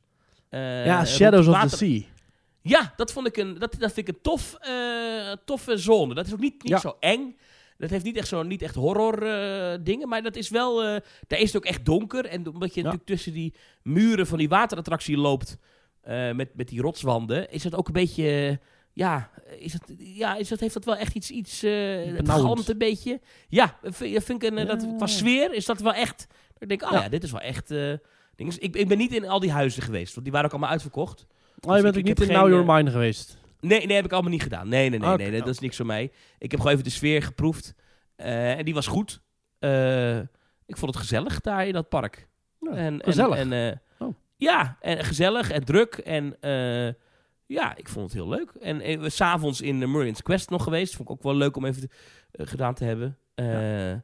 En het was wel een drama om van het parkeerterrein af te komen. Maar goed, Mhm. Dat heb je wel eens. Dat vind ik niet zo erg. Daar ga ik niet over vallen. Ja, ik blijf altijd... Als er een eindshow of iets is, dan blijf ik altijd hangen tot de allerlaatste. Oh, nou ja, dat vuurwerk, eh, vuurwerk was ook tof. Dat, Ja. dat, dat zat allemaal goed in elkaar hoor. Nee, Ja, en dan had- weet je had, eh, gewoon- weinig te klagen. En dan weet je gewoon dat het druk gaat zijn op parkeerterrein. Dus ik vind het altijd een beetje als mensen zeggen... Nou, we zijn het einde gebleven en toen moesten we kennen. Wacht, je bent afrijden. Ja, of je gaat een uur voor sluiting weg... of je blijft als allerlaatste hangen. Daartussen is geen optie. Ja, Ja, dat is ook zo. dat ja, goed. Maar, maar eh, ehm, die vuurwerkshow vond ik vet. Ehm, ehm, ja, ik, zelfs ik als, als, als Halloween-hater... Ja. Ik vind, het nog, ik vind het nog steeds een belachelijk iets. Maar, maar, maar eh, ik, ik heb echt een leuke avond gehad. Dus, dus, eh, Goed. dus, nee, ik vond, vond het lachen. Ja. Wat, heb, wat heb je gegeten bij Flaming Feather, zei je? Nee. eh, oh, uit die Food Street. Een van de broodje met vlees en, en patat. Oh, alleen de Food Street. Ik dacht dat je ook nog bij de Flaming Feather had gezeten. Nee, nee, nee, nee. Daar was het wel heel druk, zag ik. Maar Het was sowieso overal, overal echt wel eh, gierend druk. Wat vond je het nieuwe eh, gebied en donker? Eh, Nieuwe attracties, nou, nieuwe plein. wij, liepen, we kwamen daar aan dat achterste gedeelte daar bij Avalon, hè, waar dus nu Mhm. Dragon Watch staat. Die is dicht, geloof ik, hè? Ja, was er een storing of zo? Is je nog steeds dicht? Ja, Weet ik niet. Ja, Toverland is nu sowieso dicht, maar... Er is iets mee. Maar, of, Ja. of misschien is die inmiddels weer open. Maar, eh, ik zit ondertussen te kijken. Ja, er was een, een mankement, was er. Ja. Nou, Oh. nou. Ehm, maar die, ehm, dat is heel mooi verlicht daar. Dat hebben ze heel netjes gedaan. Ook die toren is mooi uitgelicht. Er zit ook licht bovenin in die toren. Dat vond ik heel vet. Dragon Watch is die, is die hè? vrije valtoren met, met parachutjes. Met een helemaal mooi aangekleed met een draak bovenin en zo. Heel vet. Ja, Ehm, maar het zag er allemaal heel netjes uit in de avond. eh. Ja. Ik dacht trouwens dat, dat in het verleden dat daar, hello, dat daar een spookhuis stond, op die plek. Maar dat, nou, er is daar een eh, uitgang van de Witches Forest. Ah. Dus je gaat zeg maar rechts in het gebied ga je de Witches Forest in. En dan loop je Ja. helemaal om dat nieuwe gebied, helemaal om die enorme vijver heen. Helemaal achter de bossen langs. Helemaal buiten de parkgrens om. En Ja. dan kom je links weer via een achter, eh, achterafroute kom je weer het park in. Zo vet. Ja, ja. Maar wat ik wel voor onder de indruk was, is bijvoorbeeld, er is zo'n gebiedje met allemaal pompoenen en zo, zo'n boerderij. En, en, en dan Ja. is die aankleding is wel echt, weet je, het is niet zomaar alle pleurie wat pompoenen neer. Maar er is echt veel aankleding. Het is allemaal echt aangekleed naar Halloween. Dat vind ik wel, dat ik denk, oké, er wordt hier wel echt moeite gedaan voor, voor het, het neerzetten van die Halloween gebieden. Het is niet zomaar even, oh, iemand hier is iemand met een beetje smink Ja. op zijn gezicht. Ehm, maar er zit wel idee achter. Ik hou er nog steeds Ja. niet van, maar... Dat viel mij trouwens op, eh, want ik weet dat bij Walibi en bij eh Toverland en bij Europa Park worden inderdaad gewoon echt tienduizenden pompoenen eh, overal neergegooid. Ja, neer, neergegooid, wel echt met zorg gedecoreerd, maar goed. Ehm, in Tokyo Disneyland en in Universal Japan was er geen één echte pompoen te vinden. Want het was gewoon allemaal eh, nep. Plastic. Dus wel, wel veel decoratie, maar geen enkele echte pompoen. Dat vond ik wel... dacht ik, oh ja, zo kan het ook. Maar is dat ook niet zonde voor al die pompoenen? Want er is, moet er ergens een boer zijn die eh, een heel jaar door pompoenen aan het verbouwen Ja. is. En dan uiteindelijk, wat doen die pompoenen drie weken lang in een pretpark liggen? Ja, En daarna? ja de- en dan, ja, ik weet dat in Walibi Belgium mocht je volgens mij de laatste avond de pompoen ook meenemen Hm. als bezoeker. Dus Oké. was er een massale exodus van pompoenen. Ik ga nu een hele domme vraag stellen, maar kan je pompoen eten? Ja, in principe wel. Maar er zijn wel pompoenen die, eh, dat zijn sierpompoenen. En kalebassen en zo, en die leg je echt neer voor, eh, voor de sier. Want sierpompoenen. maar je kunt ook pompoenen soms eten en dan kun je pompoensoep van maken. En pompoentaart en pompoen, eh, weet ik het wat. Oh ja, tuurlijk. Dus- tuurlijk. Ja, je hebt pompoenensoep. Ja, tuurlijk. Ja. En pumpkin spice. Ja, oké. Ja, excuses voor deze hele dus ook- domme vraag. Normaal Ja, stel ik intelligentere vragen, maar... Zeker. Nee, ja, eh, af en toe moet er ook een, eh, Pompoen. Eh, en, eh, en je kunt dus ook echt eh, pompoenen op die manier ook kweken. En volgens mij zijn ze dan ook wat harder of wat minder goed te bewerken. Maar dan kunnen ze langer liggen en zo. En ik denk dat, dat Toverland Ja. en zo... Die heeft gewoon een deal met zo'n boer ergens. Die zegt van nou, eh, wij, wij nemen aan het einde van het jaar nemen wij eh 40, 50.000 pompoenen af. En Oh, dat lijkt je- heel veel. Zoveel? Eh, nee, wacht even. Dat ga ik op. Want er stond... Meen ik mij te herinneren. Even kijken. nou ja, dat zijn grote, grote bedragen dan. Daar zal eh, veel pompoen in gaan zitten. hey, hier. 40.000 pompoenen, zegt Toverland. 40.000? Ja. My god. Dat is inderdaad veel, ja. Ja, nou, ja. Nou ja, het ziet Als je weet dat bij de- uit. Eerlijk is eerlijk. bij de Albert Heijn kost één pompoen zo gauw 3, 4 euro. Maar dat zullen ze er hier niet voor betalen. Ik denk dat die het... oh. Ik denk dat er wel ettelijke tienduizenden euro's aan pompoenen worden besteed. Maar weet je, dat is ja, ja decoratie, hè. En daarna dan gooit ze weg. En, Dus, en ja. dat mag ook. eh, Ik bedoel, het, het, het- eh, het- Gelukkig. mensen betalen contree. En ik, ik heb eigenlijk mijn abonnement weer een keer kunnen gebruiken van Toverland. Ja. Ik vond het, eh, ik vond het echt heel leuk. Dus, dus eh, ehm, wat mij betreft... eh, ja, ik vind avondopenstellingen van pretparken altijd leuk. Ik ben graag s'avonds Ja. in een pretpark. Dus dan, dan heb je al de helft van mij gewonnen. Ehm, dus Ja. voor mij hoeft het Halloween allemaal niet. Doen zij ook een kerstseizoen eigenlijk in Toverland? Ja, Winter Feelings. Dat begint binnenkort weer, hè? Einde van deze Oh maand. Dat vind ik dan misschien leuker. Hmm. Ja. Ja. We kunnen ook nog een keer naartoe. Kunnen ook nog een keer naartoe. Zeker. Daar Ehm, had je nog meer stellingen of ben je er wel doorheen nu? Of bewaar je Ja, ik had er al nog meer. Maar we zitten nu al rond een uur. Laten we eens eh, nog wat... eh, want ik wil eigenlijk gewoon meer weten over jouw reis naar Las Vegas. Oh ja.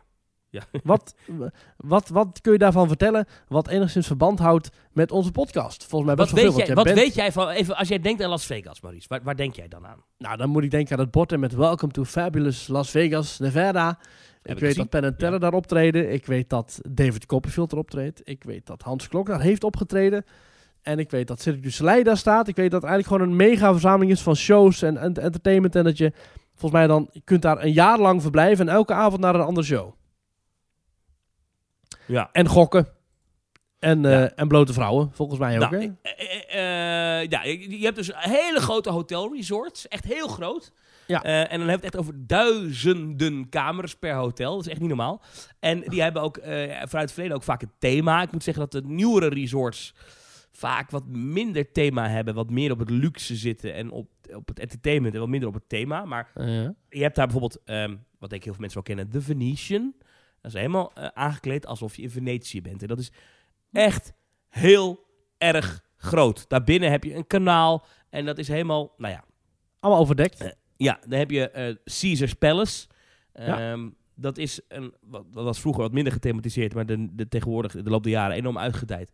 Ja, dan heb je de Forum Shops, zoals dat heet. Ja, dat is een winkelcentrum. Niet normaal wat je ziet. Dat is helemaal alsof je in het oude Rome loopt met ook een fontein. Mm. En, en dat is echt qua aankleding picobello in orde. Dat is Ja. echt ongelooflijk. Die, die, die, die thematisering is echt...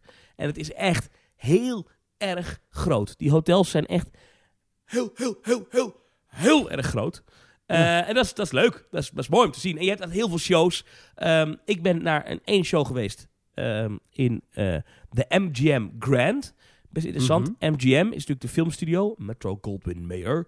Ja. En je had ooit, Disney had ooit een, licensing deal met MGM.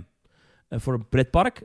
MGM Studios. Ja. Wat nu Disney's Hollywood Studios in Orlando is. Dat was ooit MGM. Nou, dat hebben ze niet meer. MGM kennen veel mensen denk ik bijvoorbeeld van James Bond. Eh zit bij MGM. Maar MGM is ook een casino-keten tegenwoordig. MGM Resorts. Die runnen Ja. heel veel van die grote casino's daar. En eh, in de jaren negentig was er ook een MGM pretpark in Las Vegas. Dat is er niet Oh. meer, maar het hotel is er nog wel. De MGM Grand. Dat was ook lange tijd het grootste hotel ter wereld. Ik weet niet of het nog is, maar echt heel groot. En in dat hotel heb je het David Copperfield Theater. Eh, en dat is het theater van eh, illusionist David Copperfield. David Nou, Copperfield. Ja. Ik ben daar geweest, Maurice. Daar staat eh, buiten voor de deur ook eh, een bord. Eh, voor de deur moet ik even goed zeggen, dat theater loopt uit in een casino. Hè? Want ja, eh, uiteindelijk willen ze dat je gaat gokken. Heb ik ook af en toe gedaan. Maar ik ben niet zo'n goede gokker, dus ik kan dat niet zo goed. Er staat een enorm bord dat de Society of Magicians hem de, de, de, de Magician of the, of the Century hebben genoemd en zo. Ah, dat hij echt... ja, de King of Magic staat ook heel groot. Mhm. En een foto van hem en zo. Nou ja, heel certificaat. En hij doet daar een paar keer per dag in het weekend doet hij die show. En door de week ook nog. Die man doet die show zo ongelooflijk vaak, die Copperfield. Maar Hij ja, is het 67, hè? ja, en het is een van de beste illusionisten ter wereld. Ja. En ik had tegen jou gezegd, moet ik naar Penn en Teller, jouw idolen, die staan in de Rio. Waarvan ik moet zeggen, dat theater schijnt heel mooi en luxe te zijn, maar dat hotel is echt aftans. Dat staat ook bekend als Oh, een van de slechtste hotels van, ja, van Las Vegas. Ja. Maar daar zit de Penn en Teller. Copperfield dus in de MGM. En we hebben gekozen voor Copperfield, omdat ook vrienden van jou zeiden, dat is hartstikke spectaculair. Dat moet je een keer gezien hebben. Ja. Nou Maurice, ik ga nu tegen jou zeggen, jij bent fan van magie en goochelaars en illusionisten. Mhm. Jij moet dit een keer gezien hebben. Ja, ik weet het. Ja. Jij moet dit een keer gezien hebben. Jij weet niet wat je ziet.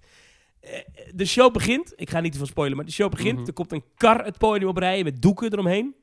Eén Ja. kant is open, dus zeg maar gewoon een, eh, zeg maar, een wagentje met, met gewoon eh, eh, een, een, eh, hoe noem je dat? Een, een, rechthoekige kar. Met Ja. aan de achterkant doek, aan de zijkant doek, aan de bovenkant doek. De voorkant is open. Ja. Doek ben het doek dicht. Dan zie je een lamp erachterlangs lopen. Dan zie je dus door het doek heen... Ah, de, die man met die lamp loopt er achterlangs. Dus het ding is leeg. En dan ineens, ping, pang, bom, gaat het voorste doek open. Hoppa, staat hij daar met een draaiende Harley Davidson motorfiets. In die oh, kar. hè? Vet. Ja, dat, ja, dan zit je er te kijken en je denkt... Ja, dit kan niet. Hij kan zich nog opvouwen, maar zo'n motor is eh, toch wat lastiger. Ja, het is echt ongelooflijk. Ehm, eh, en zo zitten er een paar van dat soort momenten in. Ik moet zeggen, ik had, daar, ik had wat meer van dit soort illusies verwacht. Maar er zit ook nog één keer in dat er mensen uit het publiek op het podium gehaald worden. Die moeten dan een paal vasthouden en helemaal naar de grond zakken. Nou, dan zit die man helemaal op zijn knieën. Dan gaat er een Ja. doek overheen.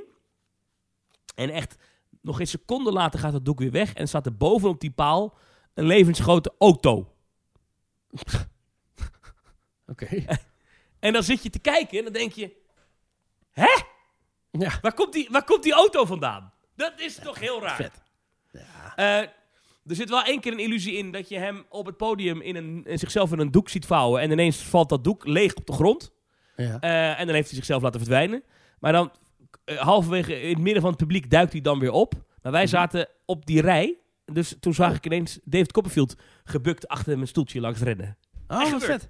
Ja, ja, ja. Kan hij zo, wii, kan hij voorbij.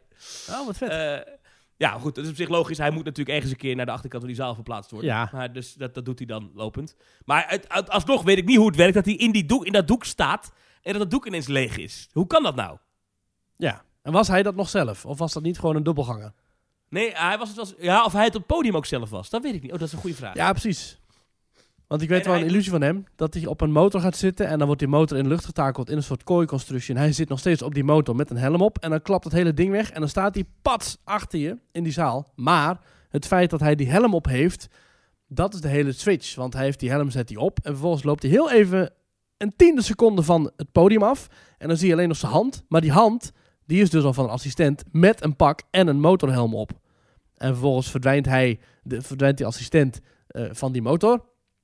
En David, David die rent gauw eh, met zijn helmpje eh, achterlangs. Ja. En die komt er weer tevoorschijn in het publiek. Maar inderdaad, dat, het, ja, fenomenaal. en. En hij doet, hij doet een, dat is een truc die kende ik al wel. Want die doet hij al heel lang, is het voorspellen van de lotto-nummers.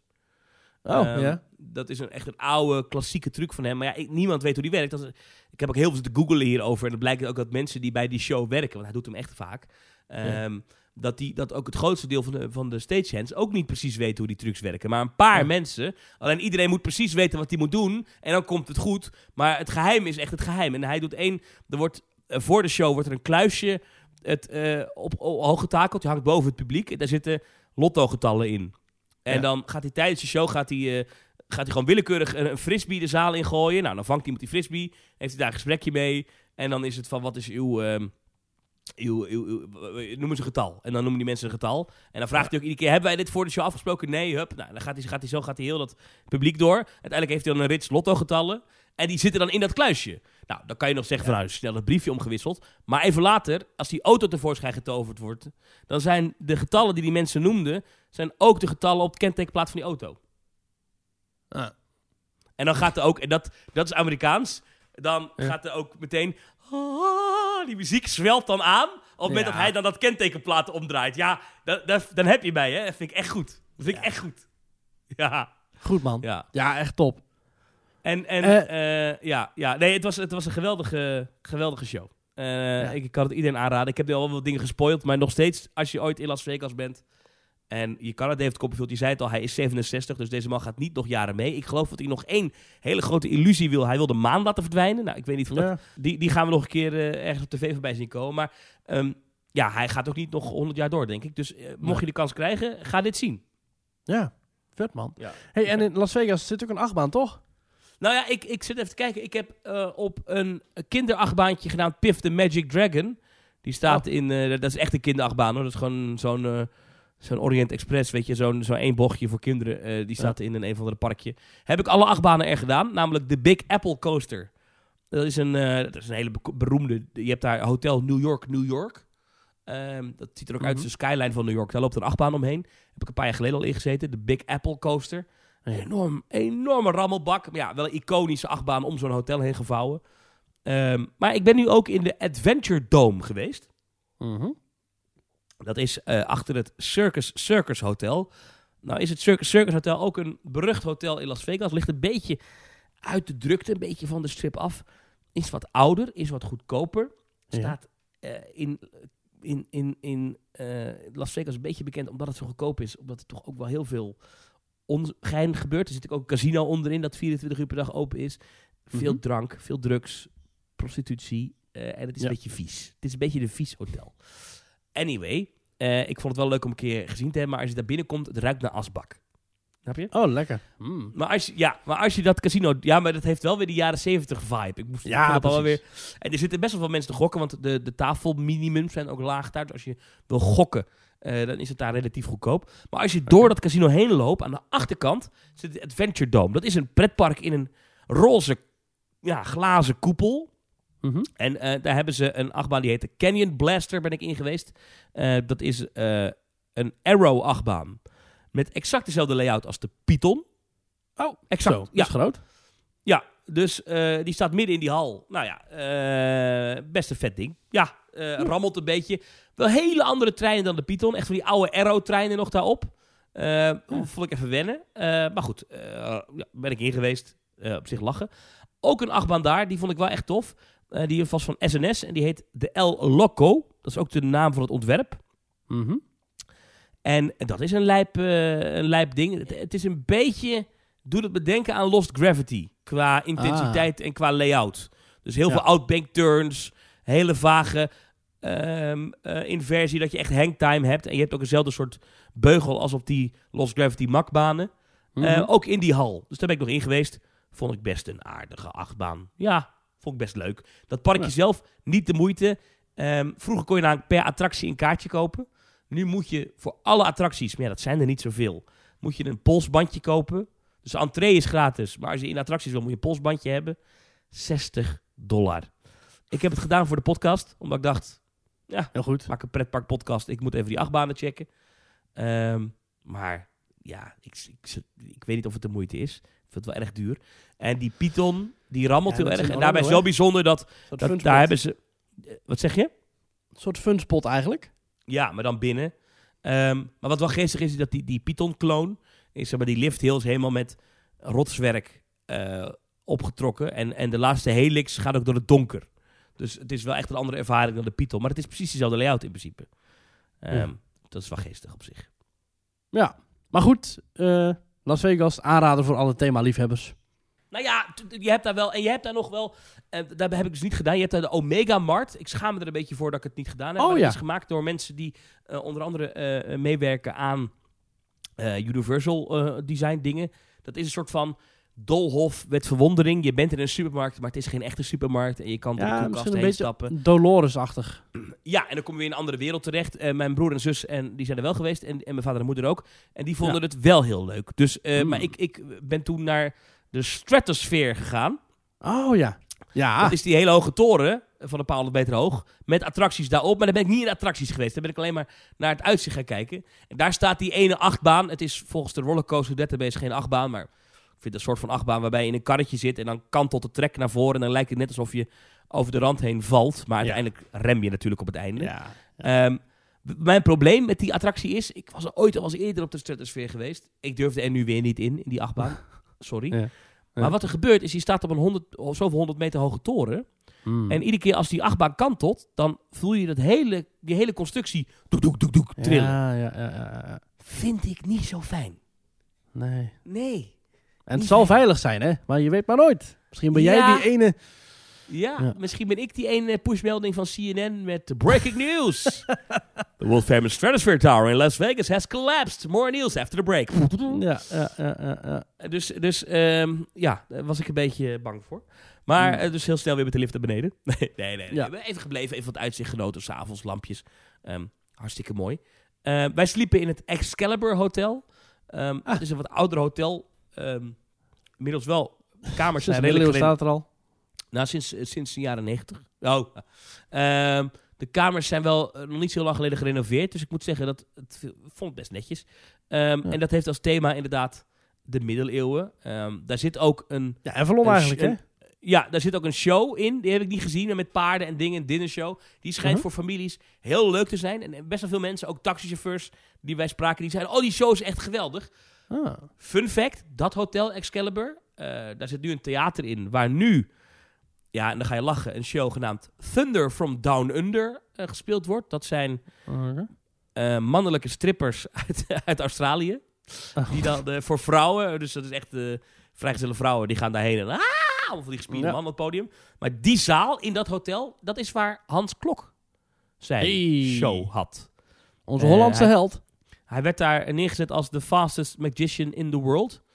Ehm, Maar helaas, eh, toen hij aan die show begon, begon corona. En eh, ja, dat, dat was te groot financieel risico om daar Ja. te blijven uiteindelijk. Nou, hij was heel jammer. snel weer weg, dus daar klopt dan weer wel die naam. ja. ja, maar dat was dus in dat, dat hotel. Ehm, ja, Las Vegas, je moet ervan houden. Ik zeg, als je een tripje naar de Amerikaanse westkust doet, is het een prima uitvalsbasis. Je kan Ja. daar best voor een redelijke prijs voor een iets langere periode een hotelkamer boeken. Als je dan een, huurauto hebt, rij je vandaar zo naar... Ik ben nog naar Los Angeles gereden, dat is vier uurtjes rijden. Disneyland kan je vanaf daar dan ook doen. Moet je er wel blijven slapen, Mhm. maar dan kan je weer terug. Weet je, als een uitvalsbasis is Ja. dat echt top. ja, want ze Eh, willen dus- vooral dat je gaat gokken natuurlijk. En eh, dat is waar ze het geld aan verdienen. En niet per se aan de verblijfskosten. Nee, sterker nog, als je gaat gokken... Kijk, want als je die kamers boekt, betaal je wel gewoon een oké bedrag voor die kamers. Maar als je gaat gokken, ik heb daar niks mee. Als je dat wel doet dan, eh, en, je, en je zorgt dat je zo'n pasje krijgt van je... eh, eh, van een rea- rewards ehm, eh, systeem. Mhm. Van onder andere MGM heeft dat. Caesars heeft dat ook. De Venetian heeft dat ook. Dan eh, is de kans vrij groot dat je kamer gecompenseerd wordt. Dus dat je dan niet hoeft te betalen voor je Oh, hotelkamer. Maar dan moet je wel gokken. En ik gok Ja. niet. Het is ook zo als je gokt dat je gewoon wat te drinken krijgt. Hè? Hoef je niet voor te betalen. oh. Ja, en buffetten en zo allemaal, hè. Sterker nog, eh, het, ja, concept heel van, goed, ja. Het concept van buffetten komt uit Las Vegas. Nee. Echt? Volgens mij wel. Ja. Uh, zou weer niks verbazen. Ik vind het een leuke stad. Ik zou er ook nog eens een keer naartoe terug willen. Maar je moet ervan houden. Het is natuurlijk geen pretparkbestemming. Alhoewel er wel wat, eh wat pretpark dingetjes aan zitten te komen. Universal gaat daar een, eh, een attractie openen. En een, een, een eh, Halloween ding. Hè. Ze zijn natuurlijk heel goed in de Halloween Horror Nights. Er komt een Ja. permanente Halloween locatie van Universal in, eh, in, in Las Vegas. Die komt daar bij die Omega Mart te zitten. Waar je Mhm. dus, ja, eh, maar dat gaat pas volgend jaar open. Waar je ja, dus het hele jaar door gescared kan worden. Nou, voor de liefhebbers van Halloween is het wel een aanrader.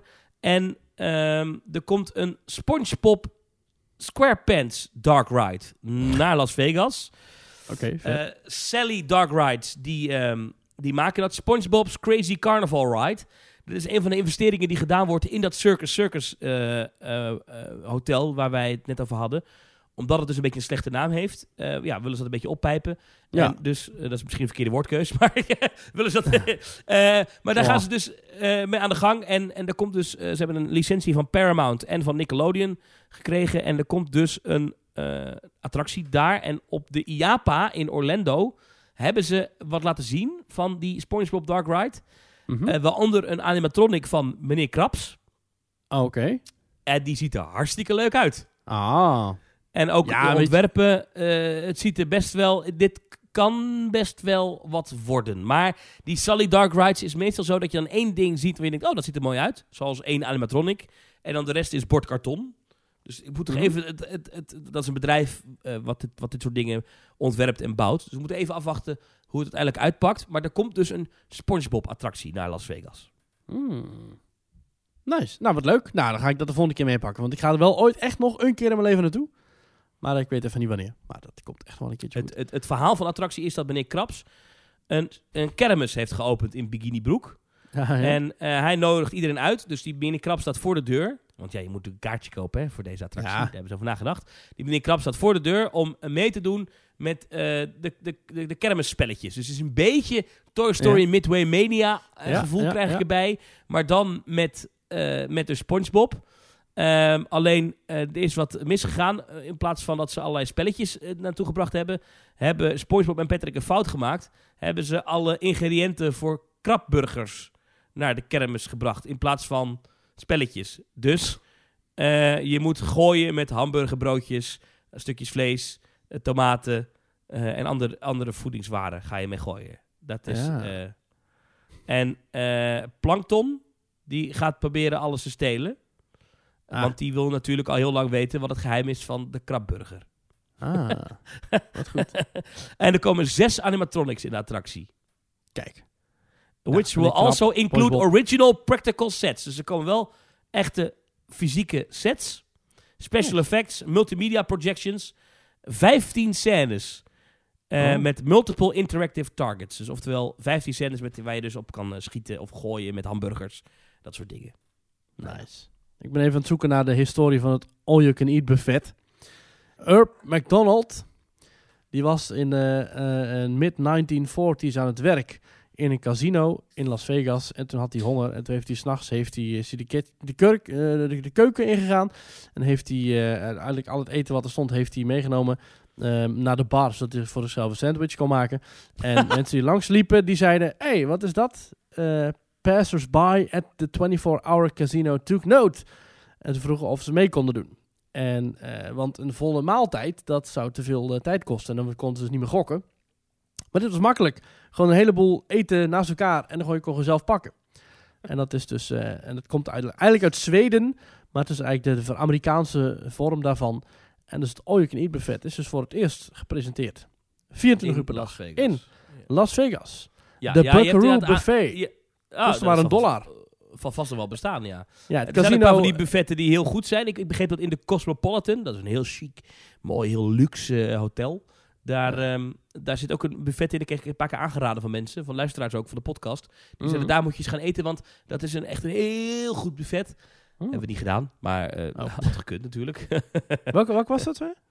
in de Cosmopolitan, daar zat blijkbaar een... eh, Er staat ook, het casino eh, verloor geld op het buffet, maar dat maakte niet uit, want winst was niet daar het punt. Ze wilden geld verdienen aan het gokken en het juiste bedoeling was dat je bleef gokken, zodat je binnen bleef en eh, zo lang mogelijk eh, daar Ja, eh, aan dat de gang dat is wel het, het, het ding van Las Vegas. Als je niet gokt, dan zijn dingen vaak duur. Ik zou je een voorbeeld geven. In de MGM zit dus die David Copperfield.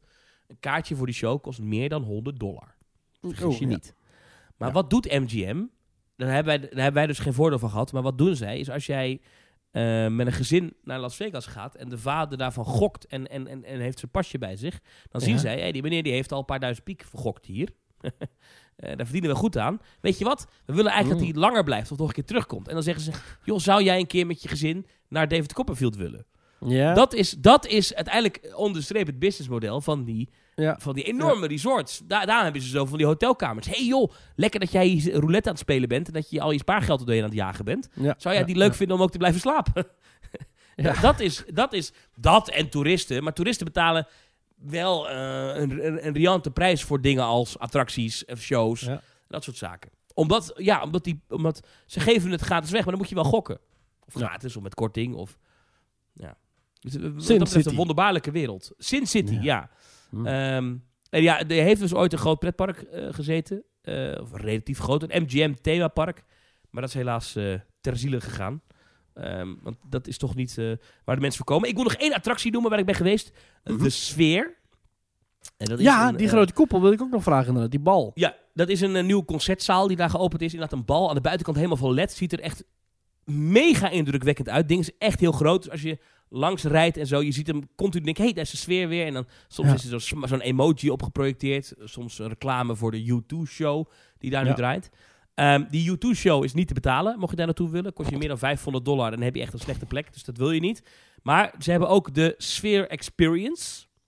Mhm. Eh, dat is een film van een regisseur genaamd Aronofsky. En die heeft een soort van science fiction film gemaakt. Speciaal voor het enorme scherm dat daar binnen is. Want je zit op een Ja. gigantische tribune, kunnen 18.000 mensen in, vergis je niet. Die, die kijkt naar een scherm, dat is het grootste scherm dat ik ooit gezien heb. Echt, dat is gi, gi, gigantisch en haar en haar scherp. En Ja. eh, het geluid is ook, net als in de bioscoop, de stoelen die zijn uitgerust met eh, een soort van simulatie-effect. Die kunnen trillen. Eh, die kunnen best wel heftig trillen, ook een klein beetje trillen. Mhm. En dat, dat reageert allemaal op wat er in die film gebeurt. Er is wind. Eh, ik dacht ook geur, maar dat heb ik niet geroken. Maar dat stond wel in de tekst, geloof ik. Eh, maar het is eigenlijk gewoon een gigantisch 4D-theater. Alleen dan is het beeld niet 3D. Alleen omdat het scherm over je heen loopt, heb Ja. je echt het gevoel dat je diepte ziet. Ehm, en het is, het is behoorlijk groot. Het is heel indrukwekkend. Dat kost je zo'n eh, 54 dollar per persoon bij Ticketmaster. Ehm wordt een paar keer per dag doen ze dat ook op sommige dagen is de moeite waard om een keer gezien te hebben. De sfeer van binnen. Eh, en eh, ze laten de toekomst zien. Eh, dus in de hal eh, staan ook eh, artificial intelligence robots. Die jou van alles vertellen. En daar kan je echt een gesprek mee voeren. Dat is best wel eh, freaky. Ehm, ehm, de moeite waard. De sfeer experience. Dus in Las Vegas. Mm. Meer en meer een toeristische attractie die niet te missen is. Nee, dat is, is dus achter de Venetian. Dus daar wil komen, moet je helemaal de Ja. Venetian door. Ja. Ja. Ehm, ja, super vet. Ja, ik wilde eigenlijk deze aflevering ook nog van alles gaan vertellen over Tokyo Disney Sea. En sowieso nog de rest van de reis van Nou, je hebt eh, al best wel wat verteld Japan. natuurlijk. We hebben al aardig wat verteld, maar nog niet echt het park Nou, zelf. we, we kunnen het ook een beetje sprinkelen door de komende aflevering. Omdat we natuurlijk volgend jaar Ja, eh, er zelf naartoe gaan. Ik ben, ik ben heel benieuwd. Ik, ik kijk Ja. er echt naar uit. Wil je nog wat. Nederlandse dingetjes bespreken? Want ik, ik- we kunnen even gewoon snel wat dingetjes doornemen ja, die we gemist hebben de afgelopen tijd. Is misschien wel leuk. Eh, ik las bij Loopings dat er een vacature is bij Toverland voor een eh, ontwerper. Eh, ze zoeken een nieuw iemand. En Ja. eh, als je dan goed leest wat er in de vacaturetekst staat, dan weet je wat Toverland van plan is.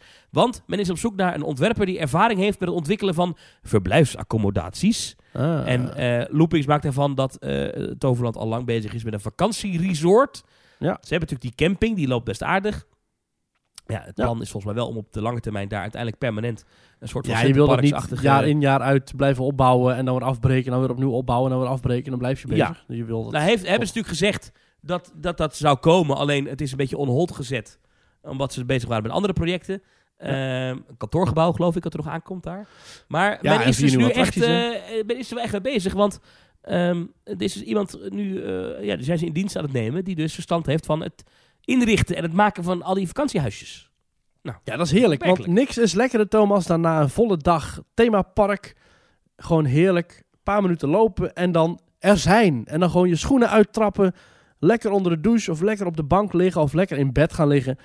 Dat is toch de ultieme beleving. Hè? Dat eh, zien we toch altijd. Dat is bij Disneyland Parijs zo heerlijk. Dat is bij Europa Park zo fantastisch. Ook bij de Efteling, bij Bosrijk. Dus ik snap heel goed dat ze dat bij Toverland ook willen. Ja. Dan nog even een winterevenement dat ik even in de aandacht wil brengen. Ik ben daar jaren geleden een keer geweest. Mhm. Het gaat dit jaar weer plaatsvinden in de Beekse Bergen, het safaripark. Eh, van 7 december tot en met 25 februari. Na zonsondergang Light Safari. Dat zijn van die Oh. lichtsculpturen die dan door dat park staan. Ik vond dat toen best gezellig. Ik weet alleen Ja, is dat, heel... wat, wat doen ze daar nu met eten? Want, eh, want ik, ik geloof dat ze in de zomer hebben ze wel eens van die, van die barbecues. Is dat nu ook weer of is dat niet?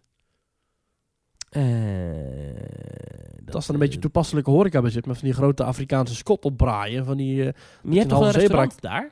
dat je een halve zebra kunt wegeten. Ja, nee, dat kan ook. Maar ik wil daar gewoon typisch... eh, Hm. ja, Ja, als dat er ook bij van- is, is het wel een... Van, optie. van 5 tot half 10.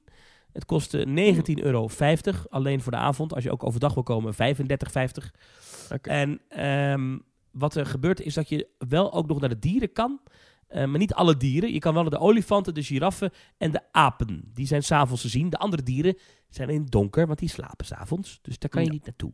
Ehm, maar eh, je hebt dus wel allemaal zones ehm, waar je dan naartoe kan. Dus je hebt leafy green, dazzling yellow, tropical forest, black and white, colors of the sea. En nog een hele Ja. trits aan thema dingetjes met mooi. Ik vond het toen, enkele jaren geleden, toen ze het voor het eerst deden, vond ik het heel mooi. Nou ja, ik, ik zag de aankondigingen van, wilde ik toch even met je doornemen. Ja. Nu we het toch over winter Verder. hebben. Komt er ook nog Sorry. aan, ja, de Walibi Bright Nights. Oh god, ja. Gaat het Ik door denk, weer? ik ga eens even kijken. Walibi.nl slash Bright Nights slash NL. Nou, ik denk, wat leuk. Even kijken wanneer het precies allemaal is. Dus ik ga nu naar koop tickets. Ja. Dus ik klik- klik nu op koop tickets. Bzz, niet gevonden. De pagina die je probeert te bezoeken bestaat niet meer of is verplaatst. Ja, jongens, ik wil weten wanneer het is. Wat is dit November, nou weer? even kijken. Klik kalender. is- ah, Wat is dat toch is ook voor een amateuristische club ook. Met alle respect hoor, maar ik heb Walibi, al- ik, je, de mensen zijn aardig hoor. En die Marcia heb ik ook wel eens ontmoet, een hele aardige vrouw en zo. Maar het is toch wel een beetje, als je ook die berichtgeving zag over hoe het daar met Halloween er weer aan toe ging. ja. Het is wel een beetje een, en ik, ik zag ook beelden van een, een Eddie de Clown avond, feestavond of zo, foute party. Dat zag er ook allemaal zo amateuristisch uit. Ja, dat is toch niet, het is niet echt meer serieus te nemen, toch? Of wel? Ik vind het moeilijk te zeggen, want ik heb het idee dat ze soms echt wel goede dingen doen. We zijn vorig jaar in de Bright Nights geweest. Vonden we hartstikke leuk. Eh, en je kunt er nu weer naartoe. Ik ja, heb inmiddels klopt, het kalendertje. Maar het is ook Ja. wel een beetje, eh, ja, ja. Ja. We- Ik heb het kalendertje voor Ze gaven het gratis weg, zowat, hè? Het, was, het kostte bijna niks. Ja, je, je kunt 17 december, 23 december, 26 tot en met 30 september, eh, december en dan 2 tot en met 7 januari. Dus het zijn, even kijken, 6, 7, 8, 9, 10, 11, 12, 13 avonden in totaal dat Ja. je naar de Bright Nights kan. En het kost eh, steeds 26 tot 27 euro per ticket. Oh. Ja, Nou, normaal betaal je 42,50 voor Walibi. Dus, eh, ja. Ja. Oké. Dat vind ik te doen, moet ik zeggen. nou, misschien Toch? dat ik dit jaar wel weer een keertje die kant op wil. Want ik Ja, wil maar toch er zijn heel veel attracties zien. dicht natuurlijk, hè? Dat is een beetje het probleem. Je kan Ja, maar daar ben je toch niet in. Ik, ga, ik wil in een Untamed en die is wel gewoon open. En eh, ja, kijk, ze gaan een RMC openen, zo'n single rail coaster. is wel een jaartje uitgesteld, geloof ik. Ja, Ehm, ja. Dus, dus er komt daar nog wel een dikke achtbaan aan. Dus in die zin krijgen ze een beetje credits. Maar ik vind als je dan op je site je ticket ding dat je dan een pagina niet gevonden krijgt, vind ik een Ja. beetje amateuristisch. Hier heb Ehm, ik eh, toverland.com slash winterfeelings. Dat is vanaf 25 november tot en met 14 januari. En dan eh, plus, oh, dus eh, ieder weekend van 25 november tot en met 14 januari. Plus de kerstvakantie. Is winterfeelings in Toverland. Even kijken, hebben we nog meer winterse evenementen in Nederland? Ja, de Winter Efteling natuurlijk elke dag geopend. Ja, met de nieuwe warme winterweide. Eh, Ja. Die zag er op foto's, wat ik zag, best aardig uit. Ik moet het nog even in, de echt gaan, in het echt gaan bekijken. Ja. Ehm, maar dat, dat, dat, eh, dat mag er allemaal zijn, kunnen we wel zeggen, toch? Eh, helaas is Hellendoorn gesloten, maar we kunnen wel naar Duinrel. Tussen 6 november en 28 februari in de weekenden komt het Duinrel Winter. Er komen de Duinrel Winteravonden. Ja. En ik zag ook dat eh, de Efteling een, een, een van de foodtruck heeft staan tijdens de winter Efteling. Oh, Met- lekker. Met, ja, maar met eh, eh, Brabantse worstenbroodjes in Oh, verschillende ja, soorten. Namelijk Ja, een, een traditionele, die is ro- royaal gevuld met varkens en runder gehakt uit Brabant. Smaakvol Ja. gekruid zoals vroeger. Kei lekker. Al dus de Efteling. Ah, Dan hebben ze ook, ook een vegan. Eh, Ja. Die is gemaakt van plantaardige eiwitten, 100% vegan, traditionele smaak. Dan hebben ze ook een sambal versie. Traditioneel met een pittige twist. Hm. Oké. Eh, de favoriet van onze bakkers al dus.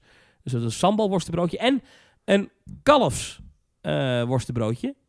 Puur kalfs gehakt. Ehm, Hm.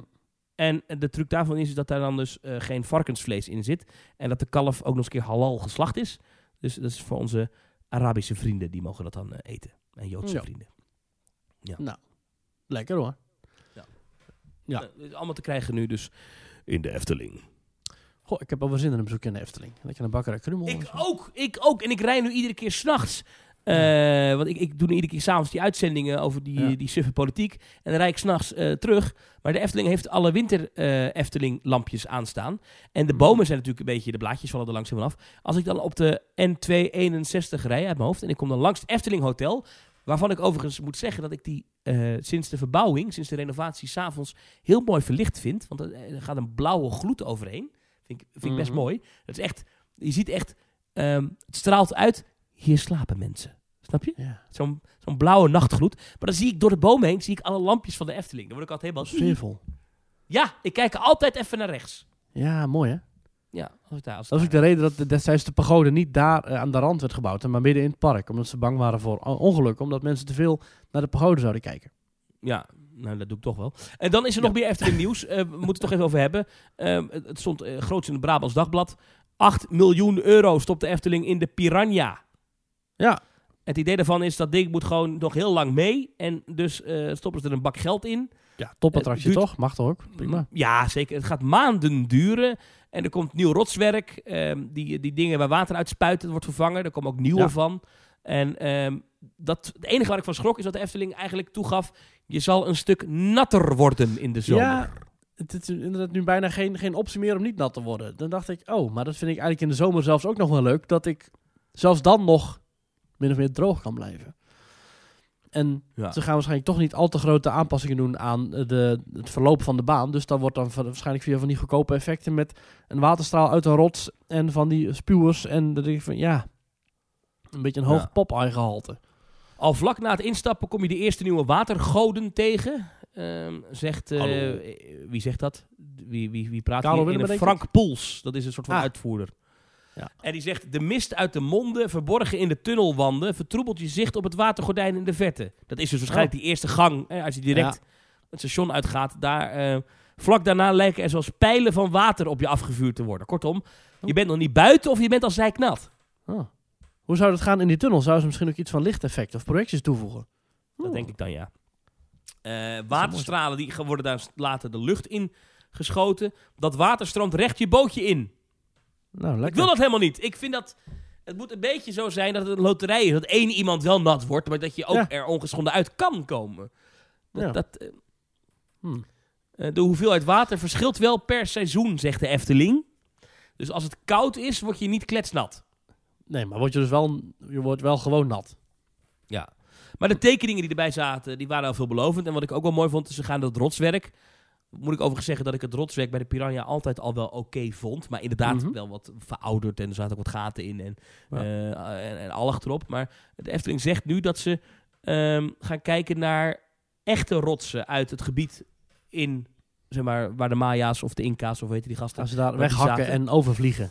Nee, nee, maar dat ze dat, dus dat, ze dat meer daarop laten lijken. Eh, Dus Ah. die meer detaillering, die daar, dat vind ik dan wel weer dat ik denk, ah, gaaf. Eh, maar dat betekent dat dus nu de komende maanden een beetje een pijnlijk aanzicht wordt tijdens de winter Efteling. Al proberen ze het volgens mij goed af te zetten. Maar ze gaan dus behoorlijk met de sloophamer door dat gebied heen. Ik denk dat dat er mee gaat vallen hoor. Een paar van die mooie zeilen hier en daar. En dan ga je daar gewoon achter kunnen werken. Dat gaan we toch niet zien. Toch Ja. een gedeelte waar je makkelijk langs loopt. Als je dat in een poortje afzet. En als je gewoon het plein een beetje dichtgooit. Dan kun je daar prima dingen doen. Wordt wel een bouwput natuurlijk. Want het hele plein links is Dans Macabre. En rechts is dan dus de nieuwe vernieuwde Piranha. Ja, maar dat, ja. Ja. dat doen ze. Ik en denk in de daar- verte ligt Joris en de Draak. Die dicht is voor een groot gedeelte van de winter. Ja, maar ze laten daar denk ik meneer Charlatan eh, optreden tijdens de winter Efteling. Gok ik zomaar. Dat lijkt mij ook. Maar goed dan nog. eh. Om het een beetje ter afleiding. Trouwens een nieuwe show van de Charlatans. Heb je hem al gezien? Nee, is het wat? Ik ook niet. Geen idee. Moet even snel gaan kijken. Ik heb nog meer Efteling nieuws, nu we er toch zijn. Ehm, Ja. Dit moet jou aanspreken. Ehm 40 minuten aan Efteling muziek uit Symbolica. Ja, dat klopt. Het staat nu op Spotify. Ik heb het geluisterd. Ja, het is, eh, het is wel leuk, want de muziek in Symbolica loopt grotendeels synchroon. Dus vanaf het moment dat je zeg maar instapt in je bakje, in je fantasievader, tot en met het moment dat je echt die laatste uitgang uitloopt, is het gewoon een continue loop van 1 minuut 24, zien we nu. En die lopen allemaal gelijk. Dus overal is die... Die lopen allemaal gelijk. Dus, dus eh, eh, dezelfde 1 minuut 24 als die op de ene plek afgelopen is, dan begint hij in alle themazones van Ja. de attractie opnieuw. Oké. Dus al het Zodat stuk- je- al het ge- Als, je, als je van scène naar scène rijdt, dat je dan geen... Dat je ze dan niet door elkaar heen hoort banjeren. Ja. Dat, is, dat is wat het Carnaval Festival heeft dat ook. Ja, Canon Festival, Phantom Manor, It's a Small World, Vliegende Hollander. Dit gebeurt bij heel veel attracties wordt dit gedaan en het werkt Ja. altijd. Ja, ik vind het een topsysteem. Dus, eh, en ook paradewagens hebben dit veel. Eh, dat je gewoon muziek synchroon laat lopen. Dat, is, dat werkt hartstikke goed. Eh, Maar wat vind je van, wat, wat, wat, wat nu is, alle werken, eh, muzikale werken voor deze attractie staan nu online. Ja, Is het wat? Het, het is... ehm, hoe ga ik dit goed zeggen? Het is in de basis is het zeer kwalitatieve muziek. Maar het is wel jammer dat, kijk, wat ik zeg net, de muziek die loopt synchroon. Het is dus een loopje. Alleen de muziek zelf is eigenlijk ook al een soort loopje. Want het wordt heel tijd. Dat, datzelfde stukje wordt geloof ik vier keer opnieuw begonnen Ja. in die ene anderhalf minuut. Het is heel repetitief. Terwijl het is al een loop. Ja. Snap je? Gebruik dan, als je dan toch zo kort de tijd maar hebt om muziek te maken, maak die dan zo gevarieerd mogelijk. Met modulaties en, en misschien nog wel tempoversnellingen of, of wisselingen. En hè, kijk naar Phantom Manor. Daarin wordt, of It's a Small World, hè, allebei Parijs, allebei John Debney trouwens, fantastische componist. Die heeft de muziek van, eh, de melodie van... Heeft hij op verschillende manieren geïnterpreteerd. Eh, op zo'n manier dat het die ene minuut die het maar is, want de loop muziek in eh Phantom Manor is maar één minuut. Maar daarin maakt hij wel gebruik van modulaties. Dus dat is dat je van de ene toonsoort naar de andere toonsoort gaat. Eh, hetzelfde doet hij bij It's a Small World. De muziek van It's a Small World is vrij repetitief. Maar toch Ja. heeft hij via bepaalde manieren heeft hij...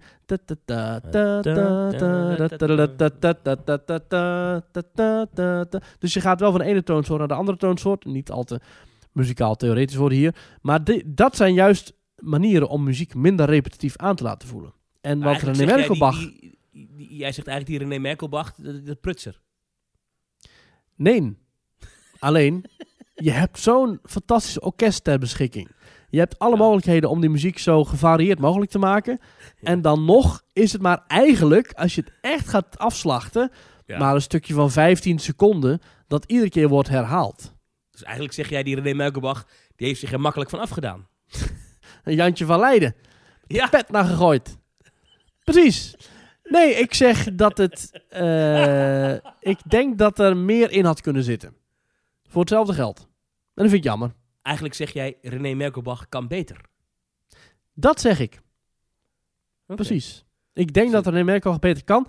En erg nog, ik denk zelfs dat misschien René Merkelbach ook wel beter had bedacht. Maar dat wellicht van hogerhand. Dat bij de Efteling niet altijd de grootste muzikale talenten zitten. Die zeggen, nee, nee, het moet wat meer, eh, moet wat meer repetitief. Dat kan ik me Ja, zo want dan voorstellen. denken ze, oh, dan hebben we een tweede carnavalfestival te pakken.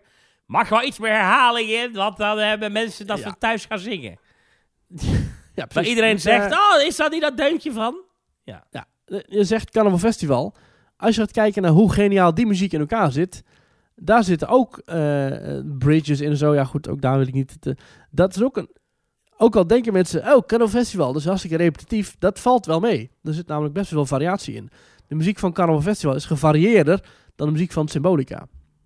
Ook al breng je het in 38 verschillende uitvoeringen, de hoofdlijn is gewoon hetzelfde. Maar ja, Hm. eh, neemt niet weg dat het hartstikke mooie muziek is en dat het prima muziek is bij de attractie, maar ik denk dat het beter had gekund. Ik heb nog ander pretparknieuws. Eh gewoon even, even, even- we vliegen er even doorheen, maar ik voelde dit eh, je niet onthouden. Ik schrok hier een beetje van. SeaWorld heeft Ja. wereldwijd van alles gedaan. Hè. SeaWorld heeft in Orlando de Surf Coaster Pipeline geopend. Ja. Dat is een achtbaan waarin je staat. Ik wil hem heel graag gaan doen. In januari wil ik er naartoe. Eh, SeaWorld heeft een, at- heeft een nieuwe vestiging geopend in Abu Dhabi. Juist, eh, daar ben jij geweest. Zeker. Nou ja, ik niet, maar Mark wel. Mark, oh ja. Dan Ja. eh Busch Gardens Williamsburg hebben ze de Dark Coaster geopend. Busch Ja. Gardens Tampa de Serengeti Flyer. Eh, in Ja. SeaWorld San Diego Arctic Rescue. Nieuwe achtbanen. Dit bedrijf heeft behoorlijk geïnvesteerd. Ja, er komt een nieuwe attractie in Orlando. Ja, dit bedrijf eh, heeft last van een slecht imago eh, vanwege de orka's en dieren. En dat begint in Amerika een steeds groter probleem te worden.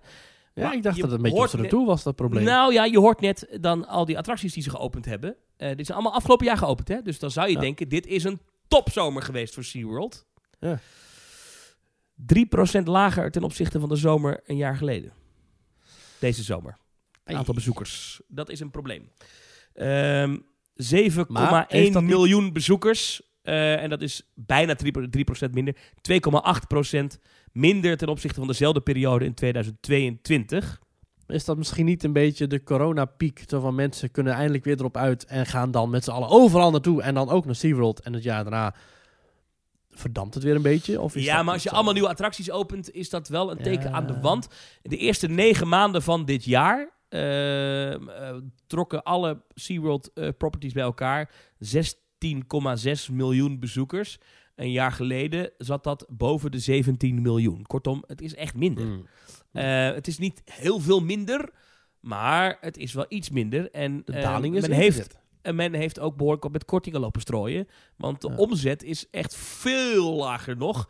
8,2% minder in het kwartaal dat de zomervakantie bestrijkt. En dat is niet goed. Dus het gaat niet zo lekker met SeaWorld. Ondanks dat ze allemaal nieuwe attracties openen. Moeten we even in de gaten houden. Aan de andere kant is er wel weer een leuke economische financiële opsteken voor Disney. Wilde ik ook nog even noemen. Ehm, Oxford Economics. eh, Mhm. die, hebben, die hebben onderzoek gedaan naar Ehm, wat is er nou, eh, wat, wat, wat heeft eh, Walt Disney World nou voor invloed op de economie? Het hebben ze in het verleden wel eens vaker gedaan. Dit is een onderzoek Ja. over het fiscale jaar 2022. En wat blijkt, dit is echt een bizar bedrag.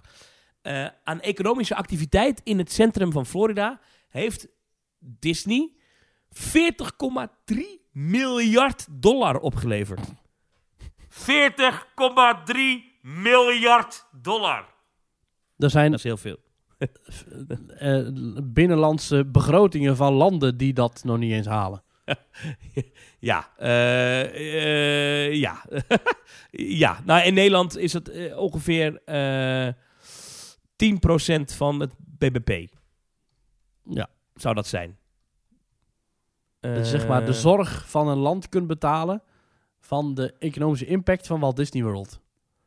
even kijken hoor. Nee, ik moet het goed zeggen. Het is ongeveer 5% van het BBP in Nederland. Vijf, Oké. Ja, ik moet goed rekenen. Dus, dus eh, ja, dus, dat is echt heel veel. Dat is echt heel veel. Ja. Ja. En wat is het dan Eh, voor getal? Is het dan ooit of per jaar of hoe, eh, wat? Dit is in het jaar 2022. Oh, En dit gaat dan over dus, dus bedrijven in de omgeving van Walt Disney World. ehm, die dus profiteren van dat Disney daar is. Ja. Dus dat eh, eh, eh, mensen ja, daar naartoe komen, daar hun geld uitgeven. Maar ook dat Ja. Disney weer inkoopt. Bijvoorbeeld eten en drinken koopt Disney blijkbaar heel veel lokaal in.